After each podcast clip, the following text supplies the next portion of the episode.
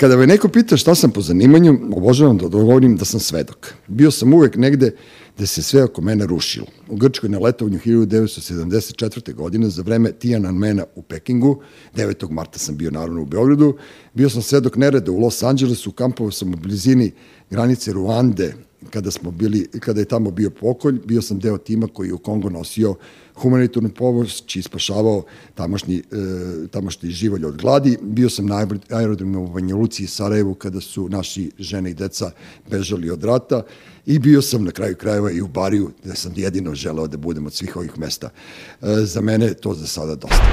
Maskum Podcast predstavlja Treći svet, vaš domaćin, Dule Nedeljković. Gošća današnjeg podcasta, Treći svet, na moje veliko zadovoljstvo, ali ti kažeš ono, hvala ti što sam te pozvao, ja tebi kažem hvala ti do neba što si došla, pošto ja nemam prilike da pričam sa ljudima koji imaju Pa ne, ne znam da to će pretirano zvuči, ali takvu biografiju imaš, brate, da je to ono, svaka čast. Hvala. ne, ali kao, znaš, ja, ja znam da si ti skromna. Kako sam ja sad došao do tebe? Ti si išla u Ribnikar, pa sam, kad smo se čuli, rekao sam ti da moj sin ima želju da ide u šesto. Onda si ti rekla, pa ja sam išla u šesto. Pa kako to ide Ribnikar šesto? Kako si ti to izvela? Pa, e, da, čudno, čudno su to bile okolnosti. Mm -hmm. Ta godina je bila 97. i nešto prijemni se nisu polagali, bilo je nešto obaranje prijemnog mm -hmm. I sestra koja je bliznakinja i ja smo polagale posle Ribnikar u treći, kao i svi Dobro. kao i svi iz naše generacije. A čekaj, si sad ti Mila ili si tvoja sestra? Ja sam Mila, mi nismo isti, mi smo skroz različite, ma inače živi u Abu Dhabiju i radi za nekog princa, ne, dobro, arhitektica ba, je. Gledao sam ja slike na Facebooku, tako da znam da ne ličite baš, smo, ali da. dobro, nema, imate iste oči. Uh, jeste, tako je. Dobro. Povukle smo na, na tatu, dobro. na ove, ove Slovenice. Slovenički, da. I, uh, I te godine su bile strašne malorizacije, baš zbog tog padanja ove, mature, to je mhm. bilo 96 ili 97, lagaću vas. I uh, odjednom uh, nas nema na onom spisku da smo uopšte polagale prijemni. E, te godine je bio neki profesor fizičkog, neki čovjek koji je pio dosta, čini mi se, mm -hmm. ovaj direktor uh, treći i nas uopšte nije bilo na spisku, kao da nismo polagale prijemni. A tad bila treća ili osma? osma to je treća, bila treća, treća da, dobro. pre je bila osma, baš se prebacila na treću mm -hmm. tih nekih godina. I uh, moj otac je došao i rekao gde su moje čerke na spisku i provali da je on ubacio neke dve uh, uh, devojke na naše prijemne. Stvarno? Sa drugim imenom, da. da. I uh, moj otac kaže, provalili smo vas levo desno, kaže, primljene su sve okej. Okay. I bukvalno prođu dva, bilo je dva dana je bio pre, prebacivanju druge škole. Mm -hmm. I drugi dan, i on kao ne, ne, sve okej, okay, kao evo ih. A mi na onom kako ih zakače na tabli, nije nas bilo odjedno. Mislim, svi iz naše generacije su bili tu. Apsolutno svi, znate kako mm -hmm. ide to. Mi smo prvo išli u sad ovde u ovoj ulici Cezara Markovića u... Dobro jaslice, pa u vrtić, pa u, pre, u prečkolsku ribnika, znači zna se, da, svi smo isli, istim, istim pravcem kroz da, ovu da, da. ulicu nizbrdo i onda smo išli u treću i tu smo uvek ostajali. Da. Moja mama je tu sa Vračara, moja prabava je sa Vračara. Mislim, o, pa ti si oni pravi Beograđani. Oni, da, omilje, sa mamine strane, da, da, da, da, na krste prabaka moja živela, pa su prešli u Makedonsku. Elem, ovaj, I taj drugi dan je, ja se jasno sećam, moj otac čisto proveri da li su izbacili novi spisak i on kaže, ja ne znam o kome se radi, vi ne znam ko ste vi. Bože, gospode i ostalo je tipa 20 minuta za ono prebacivanje dokumenta u, za upis u druge škole i moj otac je izbezumljen, tad je prvi put uh, slupao auto, uzeo naše dokumente i krenuo u šest, jer je moja mama išla u šest. Dobro. Znači, on je mogu da ode u 14. u petu, to su nam sve tu gimnazije blizu. Ali šesta je bila izbor. Uh, šesta, zašto je moja mama išla u šest i njemu je to prvo u glavi, jer on ima 20 minuta da odnese mm. naše dokumente da nas bilo gde upiše, jer je shvatio da je ovaj, uh, vrag odnao šalu i on je krenuo uz bulevru u šestu i slupao i auto i uspeo da stigne upisao nas. Do, a ti I eto, tako smo završili završila u šest. Da, ti znaš onu beogradsku foru da sve dobre devojčice treba da idu u treću, tadašnju no, osmu, no. E, sve pametne, svi pametni treba da idu u petu, a u šestu treba da idu oni koji ono kao hoće jednog dana da postanu nešto u životu. I sad, pošto je moja čerka otišla tim redom, pa je uletela u treću, ja sam se borio rukama i nogama, ne znam zbog čega. Vjerojatno generacijski, pošto ja imam malo otklon prema ovom kraju, jer dosta ljudi je nastradalo i od heroina i od svega i, i tokom ratova i, i tako dalje i nešto imam prema trećem, međutim sin je rekao idemo u šestu, ja sam rekao e, sad će dođe jedna teta danas kod mene u emisiju i sad ćeš ti da čuješ ono da je ona išla ribnikar pa šesta i da je živa i zdrava i da je ona od svog života napravila maltene film. Ti si kao klinka, ja moram tako da kažem, ti si mlađi od mene 20 godina, ti si išla nekom logičnom karijerom ovaj, beogradskih e, devojaka u to grozno vreme Pazi, ti si, ti si odrastala, ti si bila devojčica kada su ovde uveliko ono bili ratovi, kada je ovde bio pakao, znači neuporedive su moje neke godine i moje odrastanje u Beogradu kao sa tvojim i sa tvoje generacije. Ja često, često razmišljam o tome kome teže uh -huh. uh, i ne mogu, ne mogu to da, jer mi smo odrasli u Jugoslaviji, bili smo Titovi pioniri, da. 89. smo krenuli u osnovnu školu, jasno se sećamo početka rata i svih ljudi koji su došli, jasno se sećamo apsolutno svega, mi smo rasli u tome. Dobro. I čini mi se da smo, da nas, da nas je negde to nemanje, izazovi, da nas je mnogo više ojačalo, da se mi nismo živjeli dugo u vremenu kada je bilo okej. Okay. Jer već 80-ih nije bilo okej. Okay. Ja se sećam Markica, sećam se Bonova, išli smo na Jelsu, na letovanje. Mm -hmm. Jasno se sećam već polako neki, mislim, čim sam se osvestila, krenula je kriza. Da, da, da. A čim sam shvatila da postoji, krenuo je, krenuo je rat. Pa ne, vi ste odrasli. Tako da mi smo odrasli uz izazov i mi smo u suštini, čini mi se, čekali prvo vreme da uspemo nešto da uradimo i da napravimo nešto i zato su mnogi ljudi kao i ja jako rano krenuli da rade. Mm -hmm. Ja sam već u 20 godina, ja čim sam vršla srednju školu, krenula studira, ja sam krenula da radim. Pa otuda i ta olimpijada, indijska, to je 2004. godina, sam mm -hmm. imala 22 godine. Mm -hmm. Ja sam bila direktorka Divac Hoda u 2010. što sam imala 28 godina. Ali meni to bilo sasvim prirodno da, da. Dotle, da dotle dođem za tih 10 godina, a paralelno i jezici, i ja sam i studirala i radila sve vreme. Mm -hmm. I to je nekako meni bilo normalno, ja sam prvi put mogla nešto za sebe da stvorim. Ja smo mi navikli da nemamo. Je. Iako sam ja rasla u uslovima no. da imam sve u suštini, neko bi rekao ti si privilegovana, imaš stan, imaš sve, tvoji roditelji su ipak kao baba, mm -hmm. deda, ne znam, kao porodica i to. Ti opet imaš taj pritisak da moraš i ti da da, da. da dostigneš nešto u uslovima gde nemaš ništa. Da. Mi imamo praktično e, slične životne priče, pošto moja supruga je tvoja generacija, a tvoj muž je moja generacija i sad kad si rekla da, ja, ja moram da ti negiram, mi smo 25 godina živjeli super.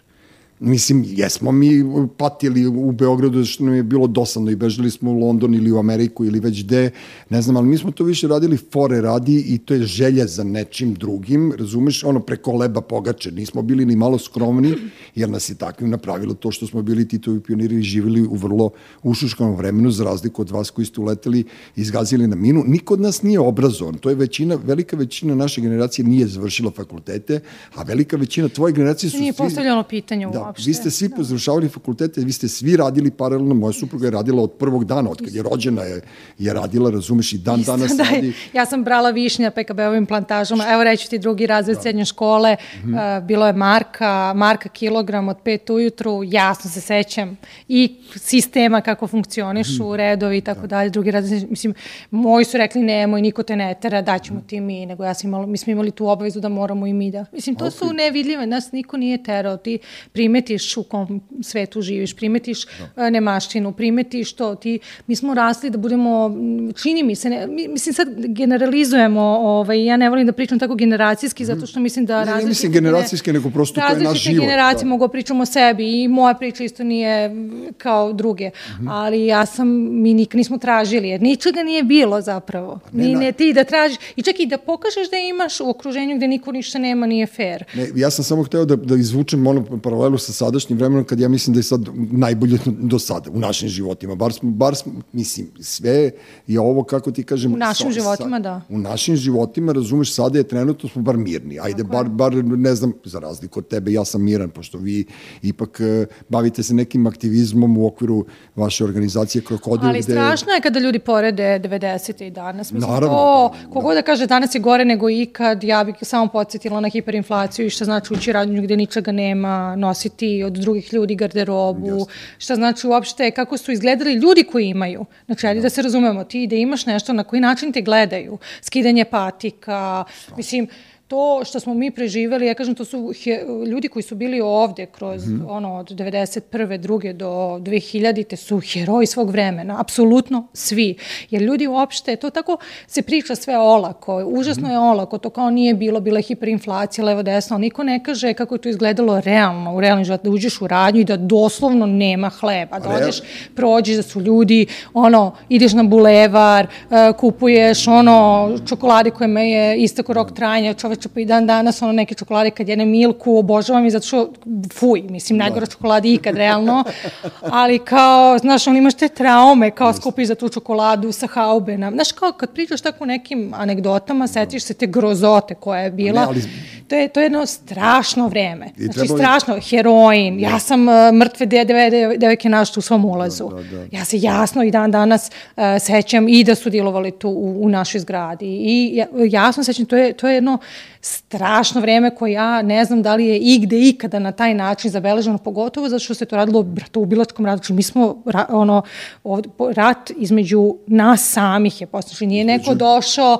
i nas. I to kada ljudi porede uh, sada gore, o čemu ljudi pričate? Da, da, da, ne, ne, o čemu izađeš napad, ljudi piju kafu, ok, nije lako, ovde nikad nije lako, svi ono kraj s krajem, nema novca, levo desno, ali da se poredi ovo vreme, odnosno 90.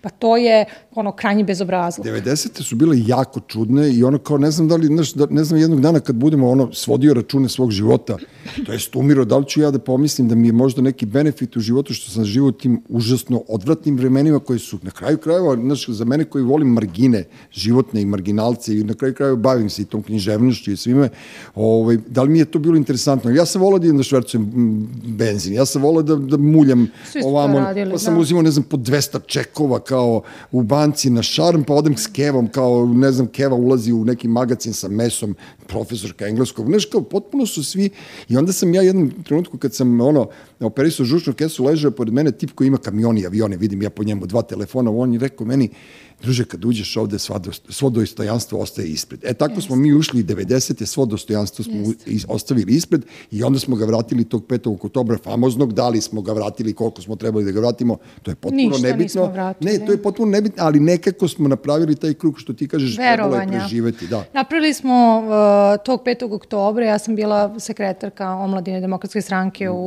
u Krunskoj, Đinđić još uvek bio živ, to je bila 2001. godina. Uh, čini mi se da smo tada uh, makar u, u zamisli vratili to dostojanstvo koji dan, danas u zamisli postoji, a u suštini Ma ne, ne, ne, ne Ja, pitanje tih 90-ih, da li je to uh, na neki način benefit ili nije, to ono čuvano pitanje uh, da li je trebalo da odem ili da li su pametni oni koji su otišli. Šuda i stero, šuda i go, da. Uh, I ja još uvijek nemam odgovor na to pitanje. Ali bila si i ti kao i ja što sam bio. Svi smo mi yes. bili. Na kraju krajeva ja ne poznajem čoveka koji nije bio. Ne, ali mi smo znaš. ljudi koji su tada spakovali otišli zauvek. Obezbedili pa, sebi pa, drugi dom. Pa, evo ih, da li su oni pametni? Da, oni sad će kaže da se vraćaju ovde su sve češće. Da, da, da, prepostavila sam da ćeš to reći. Pa ne, ne, nisam ja rekao ali... ništa ružno. Ja meni je čak drago da se oni vraćaju, što da ne. Znaš, ovo su u ovim godinama u kojima smo sad i ok živeti ovde na neki način. Znaš, kad sad naša deca biju te bitke koje smo mi imali svoje vremeno, vidjet ćeš i kad tvoja čerka bude porasla na kraju krajeva, znaš, mi ćemo svi morati da sad je meni veća frka. Oni neće, oni, oni neće da. nikada biti bitke koje smo mi bili, ako da Bog. Dobro, zato, zato, zato se mi borimo i zato smo mi tu da, da pomognemo. Znaš, ono, kao stojimo, ja sad mogu samo da stojim sa strane i da ti dajem podršku. Ja da se bijem više po ulici, figurativno ne mogu, niti želim. Opcija nasilja kod mene ne postoji. Meni se malo nervira što je, što je nestala levica sa političkog ovaj, e, spektra, pošto je ta, tu levicu su utrčali aktivi, aktivisti razno raznih i dobronamerni i dobronamerni. Desnica jača, ali to je ta desnica neka mlitava desnica. Što, ako se ja pitam, to je to je tako. Tako da, naš, kao, ok, bit će tu svašta nešto, međutim, ajde sad, e, ja bih volao mm -hmm. strašno mi kažeš e, krokodil. Ja sam učestvovao na prvom krokodilu i tvoj muž i ja smo stajali ispred onog 25. maja, bili smo u fazonu... Kaj je parla kiša. Ja sam mu rekao, Vlajso, mi ćemo ovde da izginemo. On je rekao, ma nije dulo, on ide desno. Znaš, I sad kao ono, ono sukob između Puljanina i Beograđanina, znaš, ja nisam vidio nikad tako crni oblak i onda je bilo ono ipak po, po mome, izlupo nas je grad i kao to mi je ostalo u sećanju I sećam se kako je tu bilo puno entuzijazma kod Vlajsa. Znaš, ja sam mu nešto verovao u tom trenutku i vi izguraste, boga mi, koliko, 20? 15 godina. 15 godina. Da, punih, sad će biti 15 Ja sam mislio da je 23, ali nema veze, to ne, ne, ne zna deda sine. Da, 15. 15 ove, ove da. godine će biti 15. Dobre. od 15. juna do 18. i po prvi put ćemo imati jedan onaj pravi festivalski format u smislu da će sve aktivnosti se dešavaju ispred muzeja Jugoslavije po ugledu na sve ove književne festivale u Engleskoj, u Danskoj i tako dalje, u Njujorku ostalom. Biće od, Znači, otvorit ćemo ga u četvrtak uveč, a petak, subota i nedelja će festival trajati ceo dan ispred Muzeja Jugoslavije sa food courtom, sa mm -hmm. četiri bine, šatora, sa onom centralnom. Znači, program će trajati od 11 ujutru do 11 uveče. Mm -hmm. Poželite, poželite nam sreću. Ja vam želim, ja vam, ja vam želim I lepo sre... vreme. Da, ja vam želim sreću. Najveće lepo vreme nećete imati sigurno, pošto je to krokodil vuče, prosto mora jedan dan da bude nevreme. Ali meni, se, meni je drago da je ta ideja zaživjela i to je onako jedan festival koji je meni značajniji. Ja sam uvredio dosta ljudi kad sam rekao da je to krokodil značajniji od sajma knjiga. I meni su ono, naravno da se napravio sranje među mojoj izdavačkoj kući i ne znam koji još počeli su da govore da ja loše pričam, da sam ja nedostojan takve veličine kao, ne znam, izdavati knjige, Bog te pita koji izdavačkoj kući i tako da, ali ja više volim to nego... Krokodil je krenuo, dakle, Krokodil je prvi festival koji je Vlaj se pokrenuo sa Mišom iz, i sa Lidijom iz Samizata. Ja toga, da. Mislim da se razumemo troja ljudi koji su stoje na osnivačkom aktu Krokodila su Lidija, Miša i Vlajsa. I ovaj kogo da kaže da, da, da je osnivačko krokodila ili nije. su osnivač, nije. E, to je kasnije promenjeno, vlasnička struktura kada se udruženje naravno otvorilo, ovaj, ali to je tako bilo. Vlajsa je bio, uređivo je, um, bio, radio u VBZ-u, Lidija u, u Samizdatu, Samizdatu, Miše u opštini, rekli su, hej ljudi, ajde napravimo jedan književni festival, da po prvi put posle rata čujemo hrvatski i bosanski autor u Beogradu i tako se desio prvi krokodil ispred Muzeja Jugoslavije, te, tog novembra je odruženje Krokodilo osnovano kako bi se nastavio kontinuirano da bi moglo da se finansira festival. Prosto jeste bilo jedno književno spontano okupljanje koje je preraslo u jedan ozbiljan festival u smislu da mi godinu dana radimo, prikupljamo sredstvom, košta preko 50.000 evra i svako ko nam kaže što niste to tako ostavili da bude spontano, ja sam mislim što nema ništa spontano u tome, mislim. Može, ja, bilo je spontano. Organiz, organizacija, da. program, gosti, evo ove godine dolazi Berhan Schlink. Ja mislim mm. da sam ja njemu prvi mail poslala pre 7 godina. Dobro. Mislim, to održavanje kontakata sa književnim zvezdama, sa raznim, e, kako da kažem, e, e, strukturama u, ovaj, u smislu aktivizma, jer Krokodil je jako brzo postao ne samo knjiž, aktivan u književnosti, već i u ovom civilnom sektoru, tako da dve ne to, moramo da imamo te programe koji su naši takozvani debatni programi, prevodilački programi. Mi se puni godinu dana bavimo samo formiranjem festivala Krokodil i onda neko mhm. kaže, spontano okupljanje. Nije baš... To regionalni sam... karakter, izvinite, mm. regionalni karakter jeste ostao i to je ono što nama definitivno i dan danas u fokusu, jer koliko god da mi uh, uh, postali jedno tržište ekonomsko u, nekom, u tom nekom smislu poslovanje velikih kompanija, Zagreb, Beograd, Sarajevo, Levo, Desno, ipak zvanične politike pokazuju suprotno da. i oni se i dalje bavim, koriste nacionalizam kao uh, najbolju retoriku za dobijanje političkih poena, uh, jezik, istorijski revizionizam i tako dalje i mi se vrlo aktivno bavimo time i zbog toga Krokodil prvo ima regionalni karakter, a onda internacionalni ovaj onaj i zato nam je jako važno da uvek prvo to budu ovaj imena E, književna iz naših bivših e, jugoslovenskih republika. Dobro, ja sam bio na prvom krokodilu i više nikada, pošto sam ja iz naše republike, pošto ja nisam iz neke bivše republike, inače bi me možda izvali. Šalim se, naravno, Vlaj sam mi bio urednik. A znaš što sam ja pomešao? Ja sam bio u fuzonu, Vlaj sam mi rekao, doći će Hrvat i bit će naš, e, naš voditelj, onda sam ja pomešao Bevca i Lokotara, pošto sam mislio da je Kruno naš, a da je Ivan Bevc ovaj Hrvat. Tako da onog, naš, i to je bilo početak moje neke karijere književne, pošto Vlaj sam meni objavio prvu knjigu VBZ-u i ovo što nisam znao da ja umem to da radim i meni je to, kažem ti, bilo pionirska, a pošto sam ja organizovao koncerte ranije, onda sam ja gledao kako Vlajsa to radi i mogu ti reći da je on sa puno iskustva ušao u to, mada je to bilo samo tri dana. To i, dan, dan, danas ni malo, ni malo nalik ovome što ti sad kažeš kad je postalo ono to ludilo potpuno, to je jedan ono kao, jedan sistem koji, koji kaže, vidiš, mislim, meni da, jako drago da konačno neko kaže mi moramo da, ne da se dodvorimo, nego moramo da, da, da uđemo i u civilni sektor, moramo da uđemo i u ovaj sektor i onaj da pomirimo neke stvari da bi dobili pare. Tako kraju krajeva zna se da je kinta, mm -hmm. a ako treba da budem gej na tri dana, ja ću biti, ali ću da neki cilj viši ostvarim. Ja ovako malo proizvodno pričam, ali mislim da je to tako. Znaš,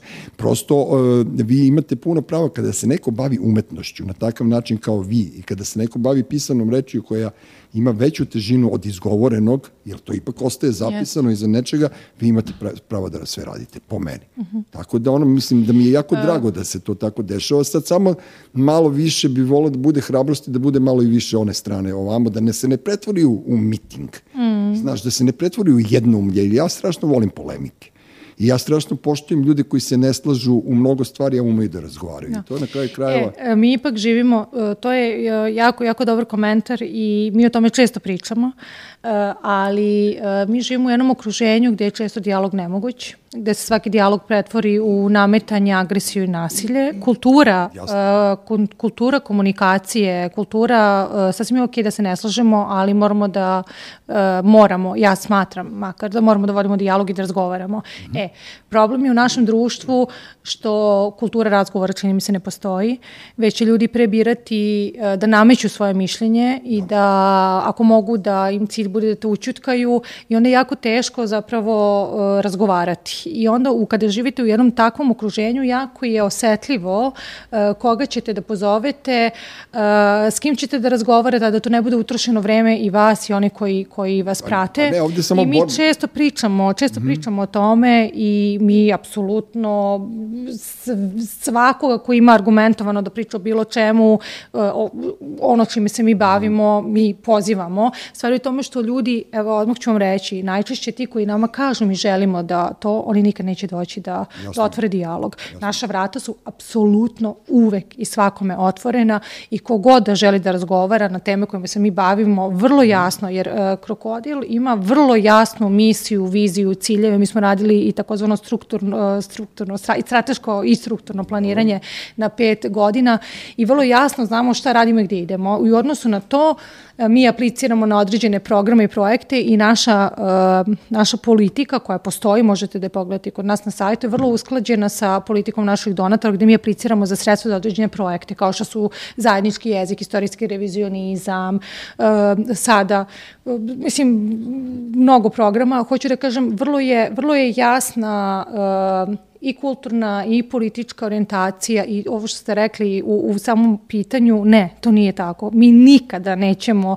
nikada aplicirati kod ljudi, kod, uh, na primjer, uh, nekih donatora koji mi znamo da se, ne, da, da se ne služu sa našim misijom, da, da, vizijom da. i politikom, nikada se nećemo prodati za nikada, nikada. E, u tom smislu smo užasno, užasno jasni, pa makar ono, ostali na ulici, mi ćemo raditi stvari. Mi, mi da znate, 30% stvari koje radi školi radi pro bono. Mm -hmm. Cijela priča sa Ukrajinom je krenula potpuno besplatno. Meni je neko rekao, ajde mi ispišite u jednom Word dokumentu šta sve radite vezano za pomoć ljudima iz Ukrajine, da ponesem, ne znam gde je to bilo, uh, ko mi je rekao u Prag ili u Varšavu na, neki, na neku konferenciju, mi smo ispisali četiri strane, ono A4, mm -hmm. četiri pune strane sitno kucanog teksta, ovaj, shvatili da je 90% stvari koje smo do tada radili potpuno pro bono, bez novca, bez projekata, bez ičega. Dakle, kada ste u ovom poslu koji mi radimo, vi morate da ga nosite odavde. Da. To je taj aktivizam, kroz kulturu, kroz ovo, kroz ovo. Ti ako nemaš to, mm -hmm. ti nikada nećeš dobro raditi te posao. I to je problem civilnog društva danas, nevladinih organizacija. Su one nastale od gore na dole. Znači, došao neki donator, objavio pozitiv, si aplicirao, dobio si sredstvo i radiš to, ne, reportiraš su, i čao. kako da ti kažem, vidiš, ti, ti pričaš zašto te ja puštam. E,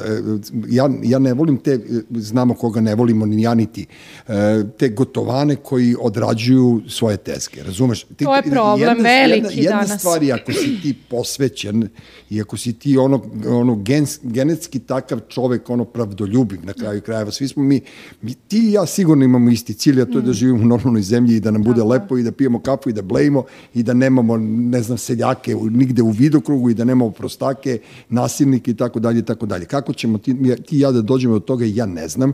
To kad kažeš, no, e, ta polemika, postoje dve strane i ta jedna strana uvek je agresivna u odnosu na drugu, zato što nikada ne mogu da se nađu bukvalno ista dve, dve mentalne iste osobe, zato što ti ljudi su kukavice.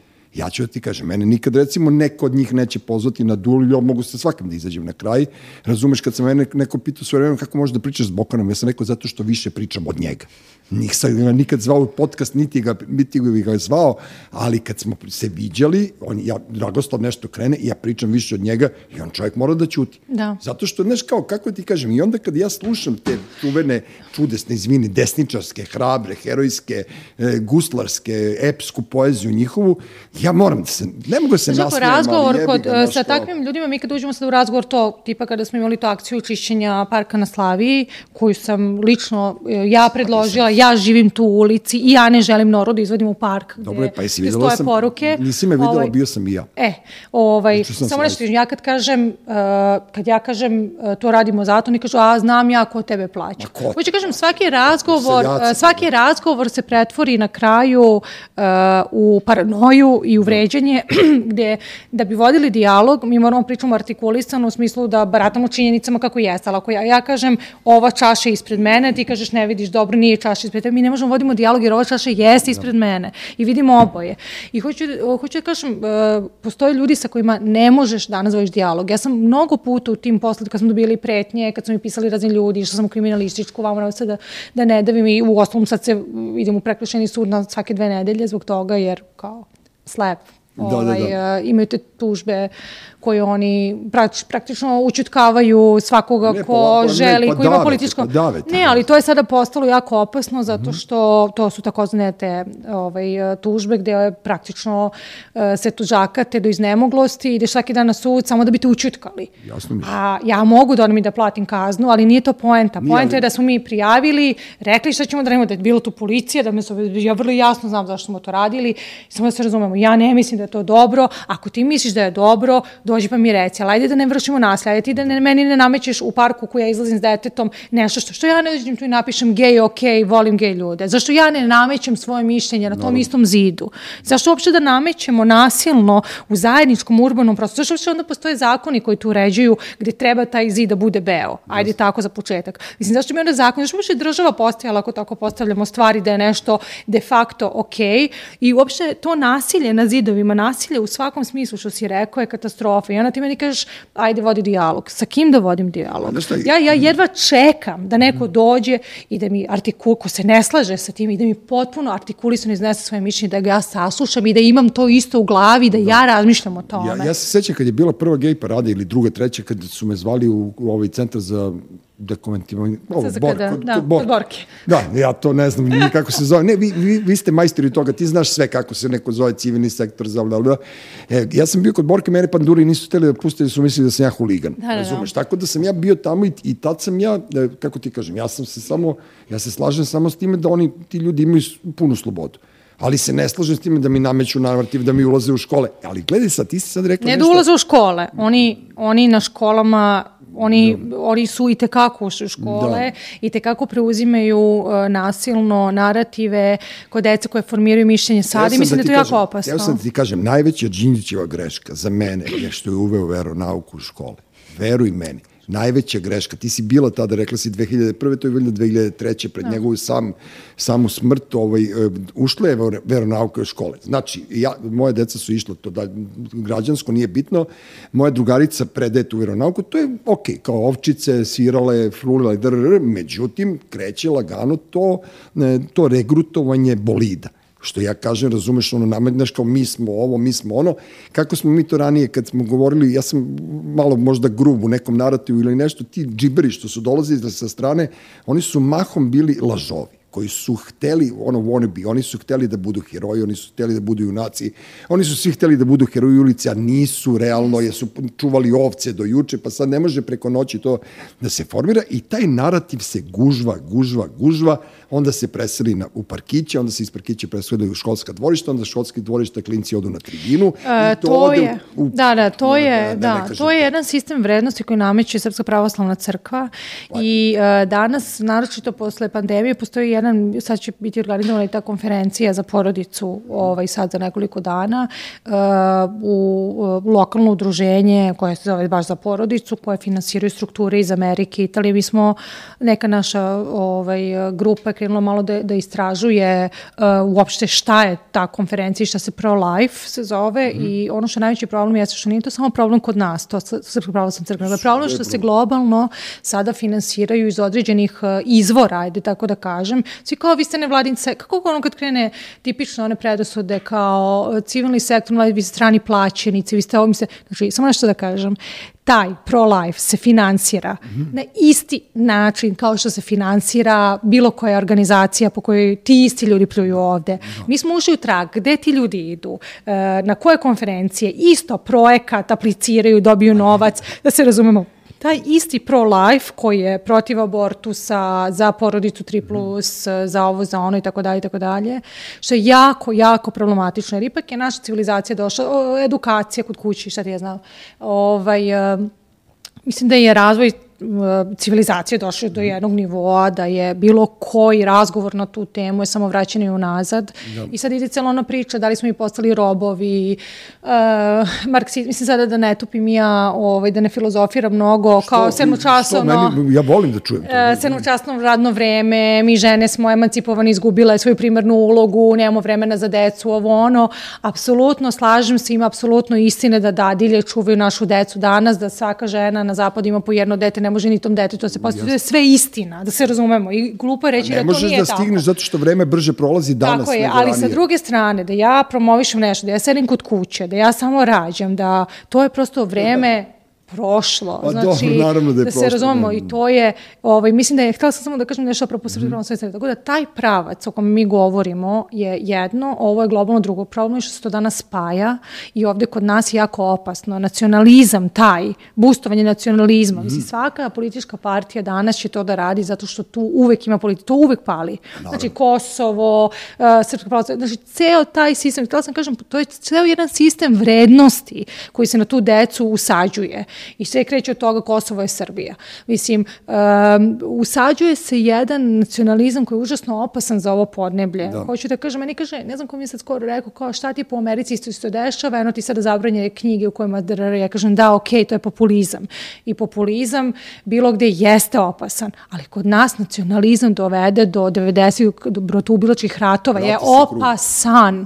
Je opasan. I prosto je, za toliko je to otrova, da to stvara od naše dece dece bukvalno neke uh, vojnike koji mhm. će slepo da veruju u vrednosti kojima ne znaju apsolutno ništa, da ostaju ovdje da se njihov razvoj završava na tom nivou. Da odu na stadion, da imaju da jedu, da rade šta god, na, naravno crnom tržištu, da je vrednost ako imaš novac, da se rađa i da budu ubiti nesrećni. I to će stalno da se perpetuira zašto no. to da. političkim elitima odgovori, zato će političke elite uvek da budu vezane za te navije, navijačke grupe, mm -hmm. za ove, za one i da upravljaju njima. I to je ono što se danas dešava. I zato oni posle izađu dole na Slaviju u sred belog dana sa sve decom, njih 50 i ponovo napišu kad se vojska na Kosovo vrati i na meni pošli fotografiju da. i ovako mi mašu na prozor i to je moguće. A ja ću se vučem, vučem po sudovima zato što smatram da nije ok da u dečjem parkiću mi imamo bilo kakvo spominjanje vojske, već i leptiriće. Mislim, da. i nažalost, to je danas toliko dominantno i uh, to je strašno, strašno. Mi se u Krokodilu svim, apsolutno svim silama normalnim borimo različitim mm. Programima ovakvim, onakvim protiv toga, jer mislimo da je užasno opasno, ali mi tu bitku ne znam kako ćemo da dobijemo. Da ti kažem jednu stvar, moramo svi da vodimo računa o sebi i pre svega svi moramo da budemo, da svoje neke ono kriterijume i svoje neko vaspitanje prenosimo na našu decu. Razumeš, istina je negde između mene i tebe. Ja ću sad da ti kažem samo dve stvari. Katolička crkva ti u stvari bila ono, zadala domaći zadatak svim idiotima po svetu. Od inkvizicije pa nadalje, da ne, da ne ulazimo i, i dalje se dešava u okviru te, te institucije. Ma institucionalizovanje vere nije jest, normalno nije, samo po sebi. Naravno, to hoću da pogledaj kako su gradovi u Evropi formirani. Jeste, znači, imaš, meni, Čaleta sam vodila u Indiju, on kaže, Mila, gde je centar grada? Ja kažem, tata, nema, nema centar, centar grada. Čovječ, on izašao napolje, smo što ga auto nije opalio, vratio se nazad. Da, da, tako da, je bilo, pa zaista. Ali, ja njemu ne mogu da... Ne, pa nemaš, pa nemaš ni u američkim mnogim gradima centar grada. Šta ti, ti kao uh, u Njujorku, šta je centar grada? Pa, imaš Manhattan, imaš pa svi će reći Times Square. Centar grada je tamo gde, Nije, gde, nema gde, gde tebi duša, da. Ne, centar grada ti je, fo, je ideja evropskog, ono, znači imaš crkvu, obrati pažnju, imaš crkvu, preko puta imaš takozvani kućni dom, odnosno gradsku kuću, između pijacu.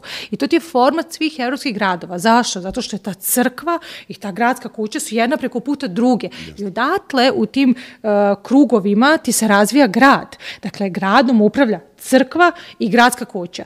I, I ide to je krug, to, da. to je to što govoriš. A institucionalizovanje bilo kakve vere, svako treba da veruje. Ja verujem, ja verujem u univerzum, ja svaki dan gledam stanje na nebo, ono, znam sad će, naš klip sa 5. maja, pa da, zna, znaš, ja pratim to, ja iskreno verujem i svako treba da veruje. Ali bilo kakvo institucionalizovanje, bilo kakve vrste vere i verovanja je de facto preuzimanje moći nad određenim ljudima i de facto manipulacija. Ne, ali bukvalno iživljavanje nad ljudima koji ne kapiraju. Znaš, to, ti je, to je ta to, znaš, mi smo kao, e, pre nego što je počelo da se piše, bile su kako, ono, priče, usmena predanja.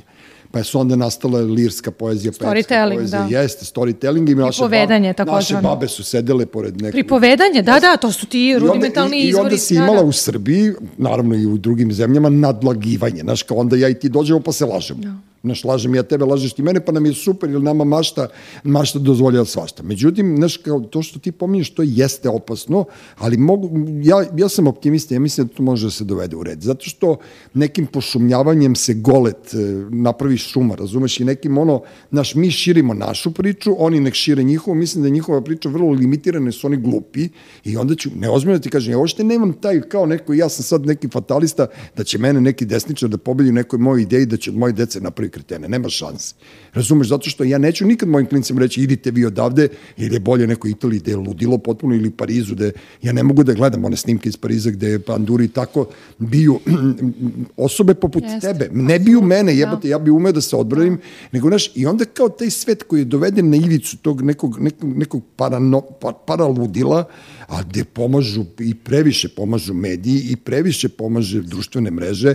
I ja imam teoriju kad bi se ukinulo društvene mreže za 20 dana da bi mi rešili mnoge probleme u društvu, veruj mi, pošto ja i, i dalje tvrdim, makoliko ti bila tolerantni ili civilni sektor, bla, bla, bla, nije demokratija za svakoga, nije za svakoga javna reč, ne može svako da izgovara sve što hoće u javnom prostoru i to je ta priča. I sad ti kad imaš taj dijalog, recimo u okviru krokodila, ti pozoveš dvoje normalnih ljudi, napravit ćeš dijalog, ali se uvek nenormalni infiltriraju i onda pod, ono, kao, oni će kažu tebi, Mila, pa ti nisi zvala, ne znam, nija, da pokriješ no. ovo i onda će da ti, da ti miniraju festival. Mislim, demokratija, demokratija ta o kojoj ti govoriš ja je zapravo... To, ja to zovem da je počelo izreći demokrat, to znači krademo, šatrovački, razumeš, tako da je to za mene demokratija. Da. Ne e, možeš da daješ svakome da. da priča. Mila, ne može da bude isti neki, ne, neki ćelavi degenerik sa tribine i ti.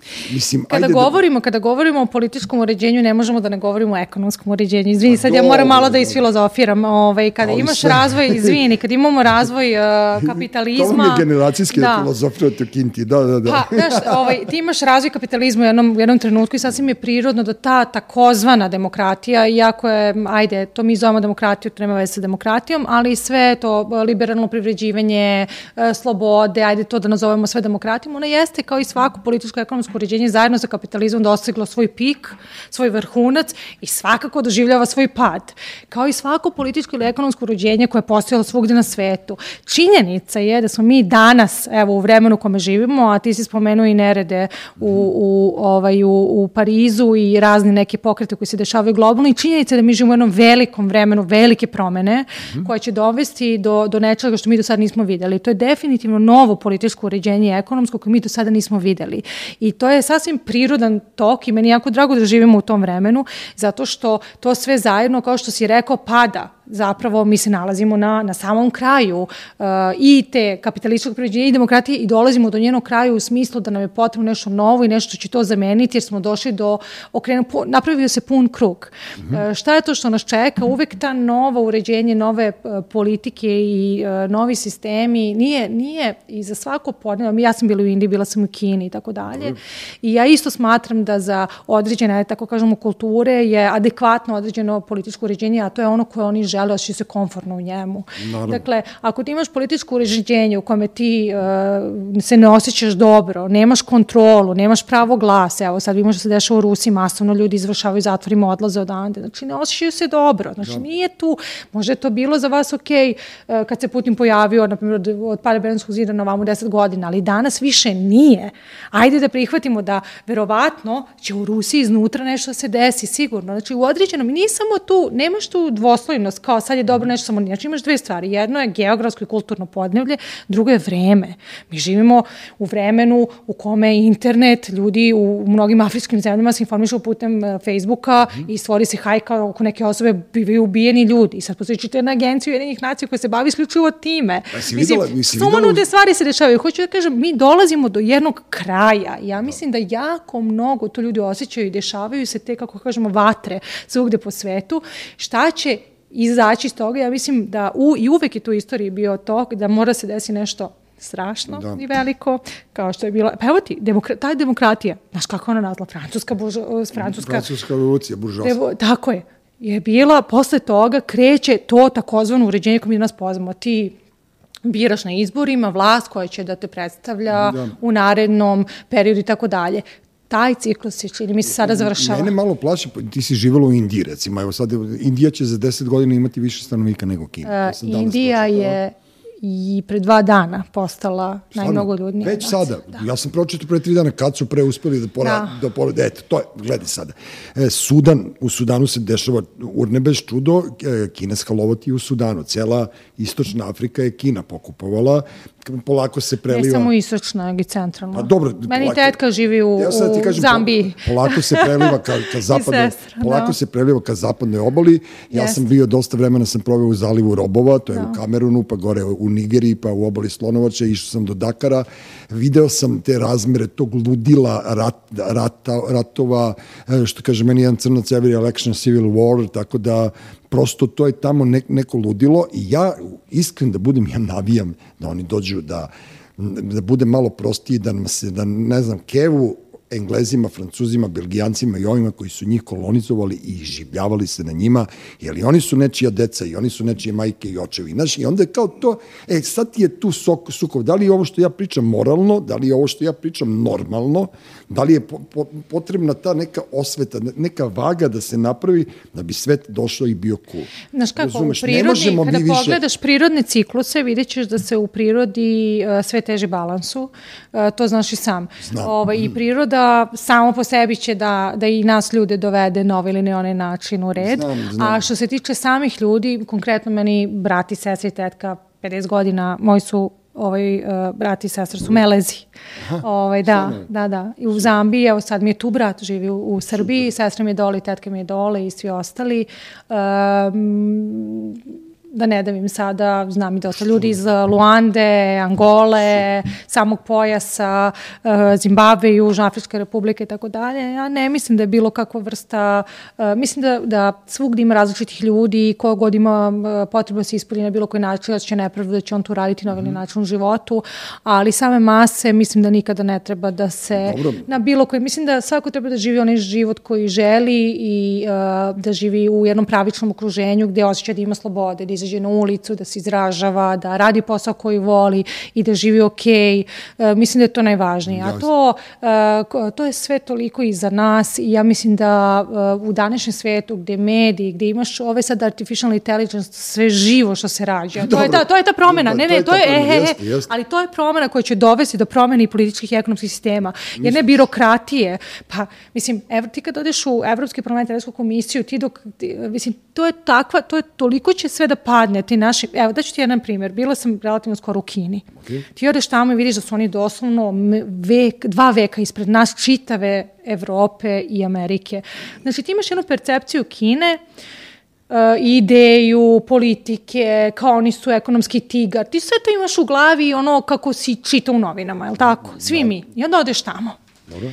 Tamo ljudi ono, beg, ovi prosjeci na ulici prose sa QR kodom. Ne prepoznaju kartice, Mastercard ovako okreće, ne prepoznaju šta je to. Ta srednja klasa o kojoj se priča, to su brate, bogataši. Znaš ti koliko ljudi, znaš ti kako tamo naprave metro sa 12 linija u selu od 7 miliona da. za, za dva meseca. Oni znaju gde će biti za 50 godina. Znaš ti kako tamo funkcioniše transport, e, kako funkcioniše kupovina. To bukvalno odande gledaš Evropu i misliš se koliko smo mi propali, a to nismo ni primetili, a smo kao dostojanstveni, mislimo da smo mnogo jaki. Da. Amerika, infrastruktura, e, sve, pa oni umesto su sav novac, ja, samo nešto da se razumemo, ja Trumpa jako ne volim i, i ono, odvratan mi je na, na hiljadu jedan način, ali sa druge strane, ti odeš tamo i misliš da čovječ, ova infrastruktura, ono, sad sam bila nešto, punjam neke uplatnice, nešto idem u, u onaj, nešto, mislim, to je toliko sve zastarelo, to hoću da kažem, novac se investira u spoljnu politiku, uh, Ukrajinu, ovamo, namo i tako dalje, mislim da će to sve da propadne, da se uruši samo u sebi. Taj sistem uh, na koji smo mi navikli, kada, i, kada sam kažem, u Kini sam i onda smo obilazili svugde negde, slažem se i prava, slažem se sve, ali ti kad vidiš koliko su oni napredovali u odnosu na nas, koji mislimo, govorim sad o Evropi, Srbiju ne računam, no, govorimo o, o Americi, o Evropi, mi mislimo da smo veliki, da smo uspješni, da smo ti odeš tamo i ti vidiš da smo mi zaostali bukvalno dva veka. A gledaj sad jednu stvar, samo sekunda, e, ja sam bio 1900... I onda, izvini, i onda, samo sam htjela da završim misao, mi izlazimo iz Kine, ja kupujem Economist i ovako nacrtam panda i kaže e, da li je Kina, prevodim se, da li je Kina e, nova najveća pretnja svetu? Ja gledam ono, ja znam u tom trenutku da nisam upravo izašla odande, a nego ću mi reći, reći da, ti si bila u Pekingu i Šangaju, misliš da si videla Kinu. Ne, ja sam išla u sela Dobro. sa našim, mojim drugarom koji govori kineski, koji mi je dubinski objasnio i njihove zakone i funkcionisanje i on tamo živi prosto sinolog je. Ovaj, ja sam pogledala tu naslovnicu i ja sam po prvi put rekla mm, drugačije bi gledala tu naslovnicu da upravo nisam dolazila odande i da nisam dubinski ušla u to kako oni funkcionišu. I shvatila sam da uh, mi smo zatucani u, u nečemu što, što čvrsto verujemo da je jedino da. ispravno, a mislim da, da uh, zahteva određene modifikacije kako bi svima nama bilo bolje. A ja govorimo o celom tom demokratskom e, uređenju. Ja sam ti kažem, ja sam bio u Kini 1989. 8. godine, ti si bila devojčica, Ovaj, znači, da, da. aludiram da, da je za tvog života do današnjeg dana. Ta Kina, ja, ja sam bio tamo kad su svi bili u zelenim uniformama da, da. i vozili bajseve. Deset godina posle toga ja već Peking nisam mogao da prepoznam kad smo švercovali firmirane stvari tamo da. od Ande Abercrombie, e, Louis Vuitton tašni i tako dalje i tako dalje. Dosta naših ljudi se ocelilo tamo pa su slali u Evropu robu dok nije došla ta finansijska neka policija Evropske unije i to uzela. Oni su svakodnevno Mila, ja, ja se sećam svaki put kad sam odlazio u Peking na dva, tri meseca, ja sam svaki put bio u fazonu šta je sad ovo. Mm. Razumeš? I, I došlo je do toga da, da smo stajali ko seljaci, ko oni svoje vremena u Sava centru, nismo znali da, da kad moraš da pustiš vodu da bi izašao yes. iz toaleta, otprilike to, i otišto je mnogo, mnogo brzo, mnogo gore i to je mogla samo disciplinovana nacija koja nije imala vremena za polemike, za, ne znam nija, za, za, za veronauke, za nemam pojma, nego su oni svi bili red, radi disciplina i udri. Neki sistem je mora da postoji. Da li je taj komunistički sistem dobar, izgleda da jeste ili oni će mnogo doprineti svetu. Se razumemo, Kina ima komunistički politički sistem, yes. ali oni imaju liberalno, oni su užasno jest. Znači, ljudi često misle da njima, ti kad tako napolje gledaš i znaš nešto, ti misliš da njima uh, partija određuje se. Mi se uvek gledamo ne, kroz nije, nas. Ne, nije, mi gledamo ovaj kroz nas. Da, naš centralističko upravljanje.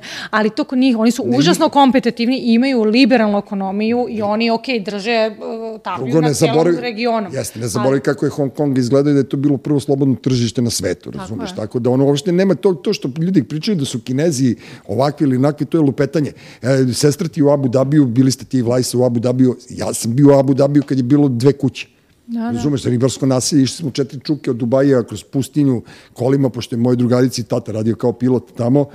Sećam se Dubaja kad je bio ono mali gradić i ta ekspanzija, to dizanje, dizanje, sumanuto, dizanje, da. dizanje, to je sumanuto, mene to ne plaši, jer ja sam ono užasno radoznao i kao, moš, ajde da živimo, hoćemo da živimo science fiction, ajde, ajmo da živimo tu neku budućnost, ajde, samo nemojte da mi uzmete keš dok sam mm. živ, znaš, ja volim to da. kao, nemoj me kartice, znaš to, kad vidim da neko plaća telefonom, pa ne, ozbiljno, malo mi je to kao, e, znaš. Žao mi je, dole, tvoje vreme je prošlo. Misliš, da jesmo, dobro, ali zato ja imam e, novi telefon. Telefon, kupila mi žena, dobro, dobro. Kupila meni moja ženica, zato što ona misli da sam ja e, tehnološki... Nema da ti ispadne sam. Da, da, da, to, to mi i ona rekla.